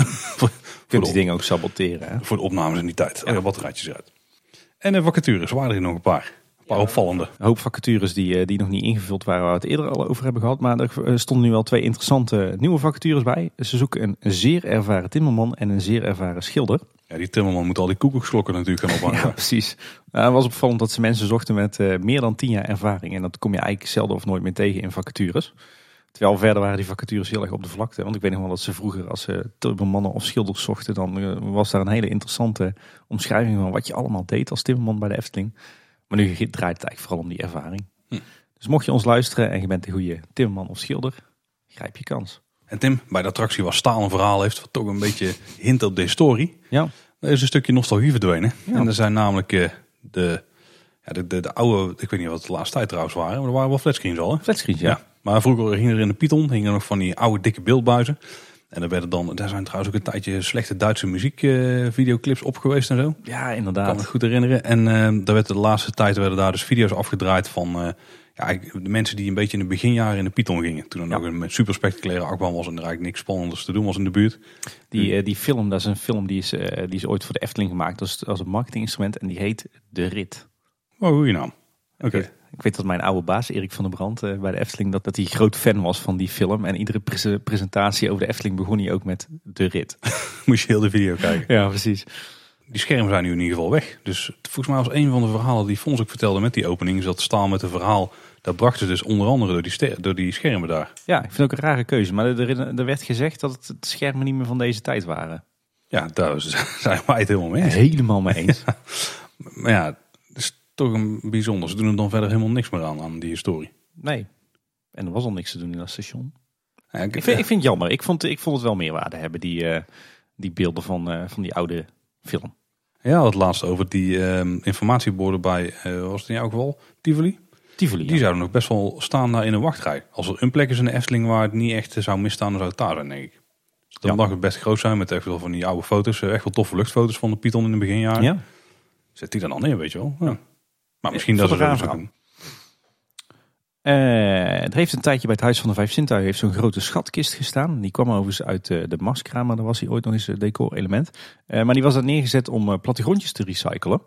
Eh, maar die is weer weggehaald. Hm, zou het niet hebben geholpen of is de test zo geslaagd als iets beters gaan neerzetten? Als dat zo is, dan hadden we wel een vervanging gezien, denk Ik ik. denk eerlijk gezegd dat het niet liep. En de slagboom bij de Ropelaan die is er weer eens afgereden. Maar ze hadden inmiddels wel backup eh, slagbomen liggen, want die is er weer opgezet de maandag daarna. Ja, volgens mij is hij op vrijdag of zaterdag eraf gereden. Op maandagochtend hebben ze hem weer, eh, hebben ze weer opgehangen. Ik denk dat er ergens bij de Efteling wel een setje van die units ligt op dit moment. Lijkt me snugger. Eh, Bij Carnaval Festival er is een nieuw bordje hier uitstappen geplaatst. Dat was een oud klassiek bordje nog wat er hing. Ja. En nu is het een iets moderner bordje geworden. Vrijdag 11 oktober was er wel een tof evenement bij de Efteling. Volgens mij voor de tweede keer. Ja. Er waren namelijk 750 genodigden. De mensen met de kleine beurs. verrast met een gratis bezoek aan de Efteling. Onder het mom van mij als ambassadeur. Ja, eigenlijk was dit, was vooral een, evenement voor en door medewerkers. Hè. Het, het, eh, medewerkers die eh, werden niet zelf in het zonnetje gezet, maar die mochten dus mensen in het zonnetje zetten door ze dus te verrassen met een, eh, een gratis verzorgd dagje Efteling voor het hele gezin. En dat waren dan dus vaak mensen die, die een dusdanig kleine beurs hadden of pech in het leven dat ze een dagje Efteling niet kunnen betalen. Die mensen die mochten vanaf twee uur 's middags het park in, werden op het eh, theaterplein ontvangen eerst door een hele delegatie. Kregen daar eh, allemaal een goodiebag met eh, onder andere VIP-tickets en een fotopas. Ja, dat is wel tof. hè? Mochten ze het park in. en vanaf half zes hadden ze een feestavond in het Carouselpaleis. Werden ontvangen door de Efteling-directie. En als een buffet, overigens niet alleen in het Carouseltheater, maar ook in de Waterorgelfoyer. Oeh, oké. Eh, de carousel was open, en er was schmink, er was muziek en ook een stukje character dining. Dus er liepen ook allerlei sprookjesfiguren rond. Ehm, en daarna mochten die mensen allemaal nog eh, eh, nogmaals het park in, maar dan in het donker. Exclusief. Dus was het park alleen voor die mensen open. En het leuke hieraan was dus dat het personeel van de Efteling zich ja, eigenlijk allemaal vrijwilligde. Dus die werden niet uitbetaald. Die deden dit allemaal puur vrijwillig. En uiteindelijk hebben die wel allemaal volgens mij een speciale pin als bedankje gekregen. Is natuurlijk super mooi dat, eh, dat de Efteling en al haar medewerkers eh, ja, hier belangloos aan meewerken. Ja. Want reken maar dat dit evenementje echt wat gekost heeft. Nou, toffe geste. Ja. Ja. Heel gaaf om eh, te lezen. Ja, je hebt het net over het waterorgel, over de waterorgel foyer. Eftelnerd, toch wel een van de hofleveranciers van in ieder geval fotomateriaal voor onze afleveringen. Ja, volgens mij luistert hij ons ook. Hè? Dus het gaat de twee richtingen op. Nou, dat is heel goed. Die heeft een kijkje kunnen nemen in de waterorgel foyer. Met de telelens dan weer vanuit een openstaande deur. Ja. En ja, wat, wat je dan eigenlijk ziet is dat eh, heel veel elementen van het waterorgel, die zijn er nog gewoon. Ja. In ieder geval van de zaal zelf aan zich. Maar ook van de tv-serie De Schatkamer die daar is opgenomen. Ja, Dus ja de dus studio. Het, eh, die foto's die, die we hebben gezien, die waren van voor dat evenement eh, wij als ambassadeur. Eh dus er was nog een beetje een rommeltje. Eh, wat me wel opviel was dat eh, het plafonddoek, eh, zoals dat altijd daar hing in de Waterhoffoyer, is verdwenen. Mhm. En je ziet nu die mooie eh, gelamineerde houten dakspanten die dus blijkbaar het, eh, de zaal overspannen. En daar hebben ze dan wel eh, trussen tussen gemaakt. Weet je wel, die constructies waar je licht en geluid aan kan hangen. Waarschijnlijk voor die videoopnames. Mhm. En op de plek waar het waterorgel zit of zat, daar is een soort podium uitgetimmerd. Zoals we dat ook nog kennen uit de tijd dat daar de Lego en de Merklin tentoonstellingen plaatsvonden. Voor die filmopnames natuurlijk. En je zag eh, op die foto's ook uh, allerhande decor-elementen en materiaal van evenementen nog opgeslagen. Maar het viel me eigenlijk mee hoe intact die zaal eigenlijk nog is. buiten het feit dat het dus een rommeltje is en dat de plafonddoek ontbreekt. Maar het ziet er nog steeds heel erg uit als het fameuze waterorgel. Dat is ook niet zo heel gek, want het is denk ik goedkoper om gewoon dingen in te zetten dan dat je van alles gaat aanpassen zodat het een andere functie kan dienen. Ja. Maar, biedt geen hoop hè? Ja, we moeten het binnenkort maar eens misschien gaan hebben over het waterorgel. Dat is een goed plan, ja. Ik vermoed dat er uh, wel een doelgroepje tussen onze luisteraars zit. Tim, er was een artikel op pretwerk.nl uh, of recreatief totaal ja, precies wat daar. Uh, ja. Uh, dit moet je wel hebben aangesproken. Het natuurlijke groenontwerp van vakantiepark Efteling Loonse Land. Ja, er was een interview met Ivo Suutmeijer, de landschapsarchitect van de Efteling, die de laatste tijd ook steeds meer overal volle bak in, het, in de spotlight staat. Heel veel was denk ik voor ons al wel bekend van wat hij vertelde. maar er zaten ook wel wat leuke dingen in die we nog niet wisten. blijkt dat het Loonse Land is ontworpen in drie themazones. Op, onder en boven de grond. Nou ja, boven de grond eh, hebben ze gerealiseerd als eh, boomhutten. En onder de grond was best wel lastig om eh, te realiseren met die prefab houtskeletbouw die ze daar toepassen. Dus in plaats daarvan hebben ze huisjes met vegetatiedaken toegepast. In de landscaping hebben ze drie natuurtypes laten terugkomen. bossen, zandduinen met vennetjes en heide. En nog wat hele specifieke dingen. De, de kabels en leidingen die liggen allemaal onder de halfverharding. Zodat die oh, bij storingen makkelijk bereikbaar zijn. Zouden wij in de gemeente ook eens moeten doen. Uh, de verlichting in het park is in drie klassen opgebouwd. Je hebt een soort van basisvoorziening voor veiligheid op de paden. Uh, praktische lampen voor de verlichting van de vakantiewoningen zelf. En uh, er zijn wat beeldbepalende objecten aangelicht. En de kleur van de bestrating en de halfverharding die komt overeen met de oorspronkelijke zandkleur in het gebied. Dat was een leuk artikeltje. Nou, in Midden-Oosten, Tim, daar zitten van die oliescheik, hè? jij zegt het. Jij gaat er naartoe geloof ik hè? Ja, dat duurt nog wel even. Maar inderdaad, dan gaan we het even checken. En die hebben allemaal van die jachthavens daar liggen met allemaal eh, grote boten erin. En de Efteling hebben natuurlijk ook een eh, eigen sheik, of meer een pasja noemen we het eigenlijk. Ja. En die lijkt ook wel een bootje eh, aangeschaft te hebben. Te hebben ja. we kregen nog een tip van Slim Toon. Een nieuwe boot, de Princess R35. Die werd tijdens een Aquanura show in het donker gepresenteerd aan een select gezelschap. Ik denk gewoon een afvuur evenementje. Ja. En die lag dus daar ja, in de Vondelplas. Ja. Vlak bij Fata Morgana. Dus ja, de pasje had hem daar gewoon aan de stijger gelegd. En die had de eerste gekocht of zo. Dat was een beetje een soort XXL-versie van de radiografisch bestuurbare bootjes. ja, dat was inderdaad. Die vorm had het ook echt. Ja. uh, maar dat was in ieder geval een evenementje voor het bedrijf Princess, denk ik. Family event wat daar gehouden. Ja, ik ken alleen Princess van de broodroosters en, ja, de, en de blenders. Maar dat zal dit wel niet zijn. Ja, ja wie weet misschien een zijtak ervan of zo. En dat was blijkbaar nogal een gedoe om die eh, boot in de vijver te krijgen. Ja, ik begreep uit het artikel dat ze hem door het hele park hebben moeten rijden om uiteindelijk in de vijver te hijsen. Maar dan denk ik, waarom heb je hem niet gewoon via Kinkerpolder en ja. uh, Poort Theater uh, naar binnen gereden? Ja, een boot op een trailer kan best groot zijn. Misschien dat die niet door de Eftelingse straat heen kon of zo. Hmm. Of in ieder geval, uh, dat, dat moet er wel lukken. Ik, ik vond het vrij bizar. Maar goed, ze zullen vast goed aan verdiend hebben bij de Efteling. Ja, daar hoop ik wel. Kunnen ze weer een kleine nou, zoveel zal het niet opleveren, maar een klein sprookje van neerzetten. Hmm. En dan het laatste korte nieuwtje. Is dat eh, de Efteling musical Sprookjesboom in première is gegaan. Of eigenlijk in herpremière. Op, de, op tournee eigenlijk hè? Ja, ja, ja, ja. daar is hij er wel geweest al toch? De theater. Is weer op tournee? Volgens mij is het Duits, ja. ja. Nou, in ieder geval vanaf zondag 13 oktober um, kun je die weer gaan checken. En tot voorjaar 2020 is hij nog te zien in 50 theaters in Nederland en Vlaanderen. Ja. En dan nog dit. Ja. We zijn bijna, we zijn alweer bijna aan het einde, Tim. Ja, precies. Tijd vliegt. Nou, wat ik eh, laatst heb gecheckt is even Park Kaatsheuvel die erbij ligt. Want daar is inmiddels voor een heel klein stukje opgeleverd. Uh, de eerste 24 vakantiewoningen die zijn in de verhuur. En dat ziet er toch verrekkers goed uit eigenlijk. Ja. ja, ik vind van niet, maar dat nee, mag jij vinden. Nee. Ik vind dat het echt wel netjes is aangelegd. Wel heel veel, ja, heel veel groen wat, wat er op het laatste moment is neergeknald. Dus zeg maar al het gras zijn grasmatten. Op een paar ingezuide stukjes na. Een paar kleine speeltuintjes en ook gewoon uh, redelijk hoofdgebouw met, met de zwembad. Maar allemaal prima, weet je wel. Gewoon echt goed voor, denk ik, het aantal uh, huisjes wat er staat. Ja, ik vind het zo allemaal zo fake klassiek, weet je wel.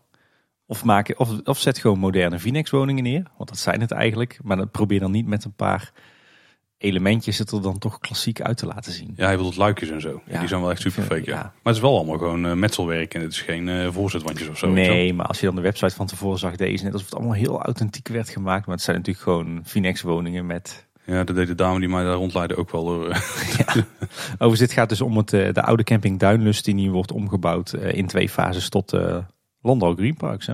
En de buren daarvan, wat eerst nog Oostappen was, Oostappen Droomgaard, Ja. die is al hernoemd. Hè? 1 oktober is die overgegaan in handen van Europarks. Niet te verwarren met Europa Park natuurlijk. Nee. Er zit wel een, een Mac in de buurt ook, hè?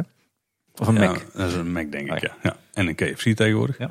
Maar die, eh, die is nu overgegaan, er zijn alle vlaggen en zo ook weggehaald. Dus die eh, dragen de naam Oostappen niet meer uit. Wat wel wijs is, denk ik. Dat is niet echt een goede naam in de buurt. Ja, er was ook nog een ander plan voor een hotel in de buurt van de Efteling, namelijk aan de Tilburgse weg en Waalwijk. Dus Ja. dat is eigenlijk waar nu de Groenrijk zit, Ja. of tenminste waar de Groenrijk zat, want die, ja, het gebouw staat er nog wel, maar er zit verder niks meer. Ehm, Waalwijk verwacht dat er geen vertraging daar wordt opgelopen door de stikstofwet. Eh, volgens mij ook niet, want die zit gewoon heel ver weg van Natura 2000 gebieden volgens mij. Ja, en de crux is daar dat dat tuincentrum vooral heel veel uitstoot had. Het tuincentrum had veel uitstoot. Ja, door verwarming. Oké. En, dat is- en dan zou dadelijk het hotel niet meer hebben met Nee. eh, hoeveel bedden kwamen daar? 1500? Eh, nee, volgens mij kwamen daar maar 500 bedden. Oh, 1500 was bij het andere Ja, natuurlijk. ja. Nee, ja, het verhaal was dat dat is natuurlijk een oud kassencomplex. Er werd natuurlijk gestookt voor de mussen. Bovendien ook heel veel bezoekers. En als je daar een hotel gaat bouwen, dat is natuurlijk goed geïsoleerd. En het wordt allemaal op moderne manier verwarmd. Dus daarom gaat de uitstoot daar juist naar beneden. Maar er komen wel meer auto's naartoe, denk ik. Nee, daar werd dus ook in twijfel Oh ja, getrokken. tuurlijk. Ja, want die auto's die er komen, die blijven wel langer staan. Ja. Terwijl op een dag van de winkel natuurlijk heel veel Ja. aan en af Ja. rijden. Ja, Oh. Ja, ja, ja. ja, het probleem is waarschijnlijk dus wel bij het andere projectplan. Daar hebben we het de laatste keer al over gehad. Ehm, wat daar aan de Horst wordt gebouwd is eigenlijk tegenover het Efteling Hotel. Ja. Maar er stond natuurlijk één woning. was wel een grote. Maar dadelijk komen daar dus eh, heel veel ja, mini-woningjes. Heel veel hotelkamers staan met 1500 bedden. Echt een heel groot hotel. Ja, daar gaat dus wel heel veel gebeuren met de stikstof die omhoog gaat. Ja, dan gooit je stikstofroet in het eten. Had je ook in je andere broek. Ja, precies. Ja, en er is weer een bestemmingsplanprocedure in de buurt die iets te maken heeft met recreatie. En dat is namelijk bij camping het genieten. Dan hebben we volgens mij bijna alle campings wel besproken. Ook Bernshoeven is er ook nog Inderdaad. uit. Dan zijn we weer door, door de reclamecommissie heen gekomen. Eh, die willen namelijk gaan uitbreiden. De- dit is over de camping die heel dicht eh, bij de Roestelberg ligt. Ja. Ehm, de wens daar is dus een uitbreiding in de noordwestelijke richting. En dan zou er ongeveer anderhalf hectare bij komen bij de 12 die ze nu al hebben. En dat zou 50 kampeerplekken extra betekenen. Misschien dat ze hier een beetje al inspelen op de, wat er gaat veranderen daarbij Europarks. Want daar gaan denk ik camp- kampeerplekken verdwijnen. Ja. Ehm, en ze willen dan ook de parkeersituatie en de routing verbeteren. Al hebben ze er wel een heel nieuw parkeerterrein aangelegd, wat er heel chic bij ligt. Ja. Maar het is daar vooral de aanrijroute die echt een drama is. Maar dat wordt hiermee net niet opgelost, denk ik. Nee, maar ik heb toevallig in de Duincourier gelezen dat eh, de komende weken eh, de asfaltweg richting het genieten wordt aangepakt door de gemeente. En die wordt verbreed en opnieuw aangelegd. Dat zou niet verkeerd zijn. Nee. En er wordt ook ruimte gemaakt voor toekomstige uitbreidingen van de gemeenschappelijke voorzieningen. Die al best wel oké zijn, maar 800 vierkante meter. Dus dat klinkt als een zwembadje misschien. Ja. Wie weet. Eh, Het ontwerpbestemmingsplan ligt nu ter inzage. We zullen ook even linken in de show notes. Dus als je ergens wil verblijven in de buurt van de Efteling, er zijn heel veel opties. Precies. En als je ons al vanaf het begin luistert, dan eh, zijn ze allemaal ook wel een keertje voorbij gekomen hier. Maar hebben ze nu echt allemaal wel gehad. Ja. Ja. Nou, we hebben camping de Roestelberg nog. Die hebben een paar blokken, blokken staan. Blokhutten, ja. ja. Je heet uit de camping. En natuurlijk farmcamps aan de Van Haastrechtstraat. Oh, die hebben we ook nog, ja. Ja. Hij moet, eh, we moeten eigenlijk zo, ook een soort van podcast gaan maken over eh, gewoon recreatie in deze omgeving. Ja, er gebeurt nogal wat. Ja. En jij, Tim? Ja, ik moest wel, eh, wel lachen. Of ik was, werd eigenlijk wel blij van een artikeltje. Ik heb een paar weken terug eh, verteld dat eh, wij naar het vernieuwde Naturalis zijn geweest. Het grote natuurhistorisch museum. En daar was ik zeer van onder de indruk. En ik niet alleen, want in de eerste zeven weken dat ze open zijn, hebben ze al honderdduizend bezoekers binnengehaald. Zo. Dus dat zijn eh, bizarre aantallen voor een museum. Dus mocht je daar wat mee hebben met een museum of met natuurhistorie, dan ga alsjeblieft naar Naturalis, want het is super vet. Afgelopen weekend zijn wij voor het eerst in tien jaar weer eens naar Best Zoo geweest. En ga daar vooral niet naartoe, alsjeblieft, want dat is één drama. Ja, dan kun je net iets beter doorrijden en dan naar... eh, Ja, naar Dierenrijk of zo. ja, zoiets. Ja. Ehm, even terug naar hier. Eh, ik las ook nog een berichtje dat eh, de gemeente Loon op Zand zo'n beetje alle openbare verlichting in het, het buitengebied gaat vervangen door LED. En daar vallen ook een heel aantal straten in de wereld van de Efteling onder. Nou. Dus dan gaan we binnenkort oh, nieuwe armatuurtjes zien. Eh, en nog even het blokje collega-podcast. Vorige keer hadden we het al, al lichtjes over Ready for Takeoff. Een nieuwe Nederlandstalige podcast over eh, de luchtvaart. Uh, maar kwam ik nu achter toen ik eens serieus begon te luisteren. Zeg maar de host van die podcast is Mark. En Mark kennen we onder andere van Details. En heeft hij onder andere de Coke Special gedaan. Maar hij is ook daar ook wel eens te gast geweest volgens mij. Hij is ook luisteraar van ons. Reageert ook geregeld. geeft ook wel eens wat input.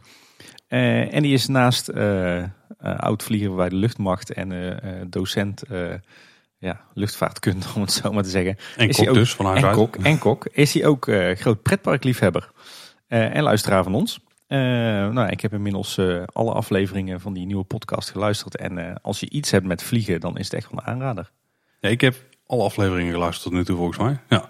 En ik vind het ook wel tof, want dan denk je dat je best wel veel weet van een vliegtuig, weet je wel. Maar dan toch in iedere aflevering zit een paar van die weetjes. Zoals van, waar moeten de luikjes bij het landen nou open? En uh, waarom moet je nou je telefoon aan en aan of uitzetten? Of in ieder geval op vliegmodus uh, als je gaat uh, stijgen en dalen. Daar ging een, een wereld voor mij open. Ja, nou, dat soort dingen die vertellen ze er allemaal. Dus dat is heel tof. Ja. Nee, de, de, en ik moet zeggen, ik, ik blijk toch groter liefhebber van de luchtvaart te zijn dan ik dacht. zelfs zo erg dat ik na hun special over 100 jaar KLM... dat ik toch maar het jubileumboek van KLM heb aangeschaft. Ja, dat is wel een aflevering, hè, speciaal over KLM. Ja. Ja, ik heb ook nog wel een aanradertje en dat is de laatste aflevering, aflevering 7. En dat gaat over het uh, Boeing 737 MAX drama. Oh, die uh, moet ik die nog is, luisteren. Interessant, Die staat bij mij in Google Podcasts uh, bovenaan als eerstvolgende aflevering. ook een aanrader nog is het, het interview dat Zoo Insight had in hun vijftigste aflevering met Alex van Hoof, directeur van Burgers Zoo. Had het vorige keer ook al over, maar inmiddels hebben we die ook geluisterd. Super tof om die man uh, te horen vertellen over Burgersoe. Ja. Uh, en een, uh, een, laatste aanrader is een nieuwe podcast. Die ben ik ook begonnen met luisteren. en dat is de podcast De Weerman van de NOS. die wordt gemaakt door Peter Kuipers-Munneke. Sowieso een van de leukste weermannen op nationale tv. Of ze geen kuppelschoten. dat is de lokale tv trouwens. En die doet het samen met Fleur Wallenburg. ook bekend van de NOS. Uh, en die maken een hele leuke, compacte, uh, frisse podcast over allerlei weerverschijnselen. Superleuk. Dus als je wat hebt met het weer, en dat hebben we allemaal, uh, ga zeker ook eens De Weerman luisteren. En dit was hij dan weer? Ja. Mooie, mooie afronding, Paul. Voor deze week. En wij gaan helemaal niks doen. Ik wou een heel kletsverhaal vertellen.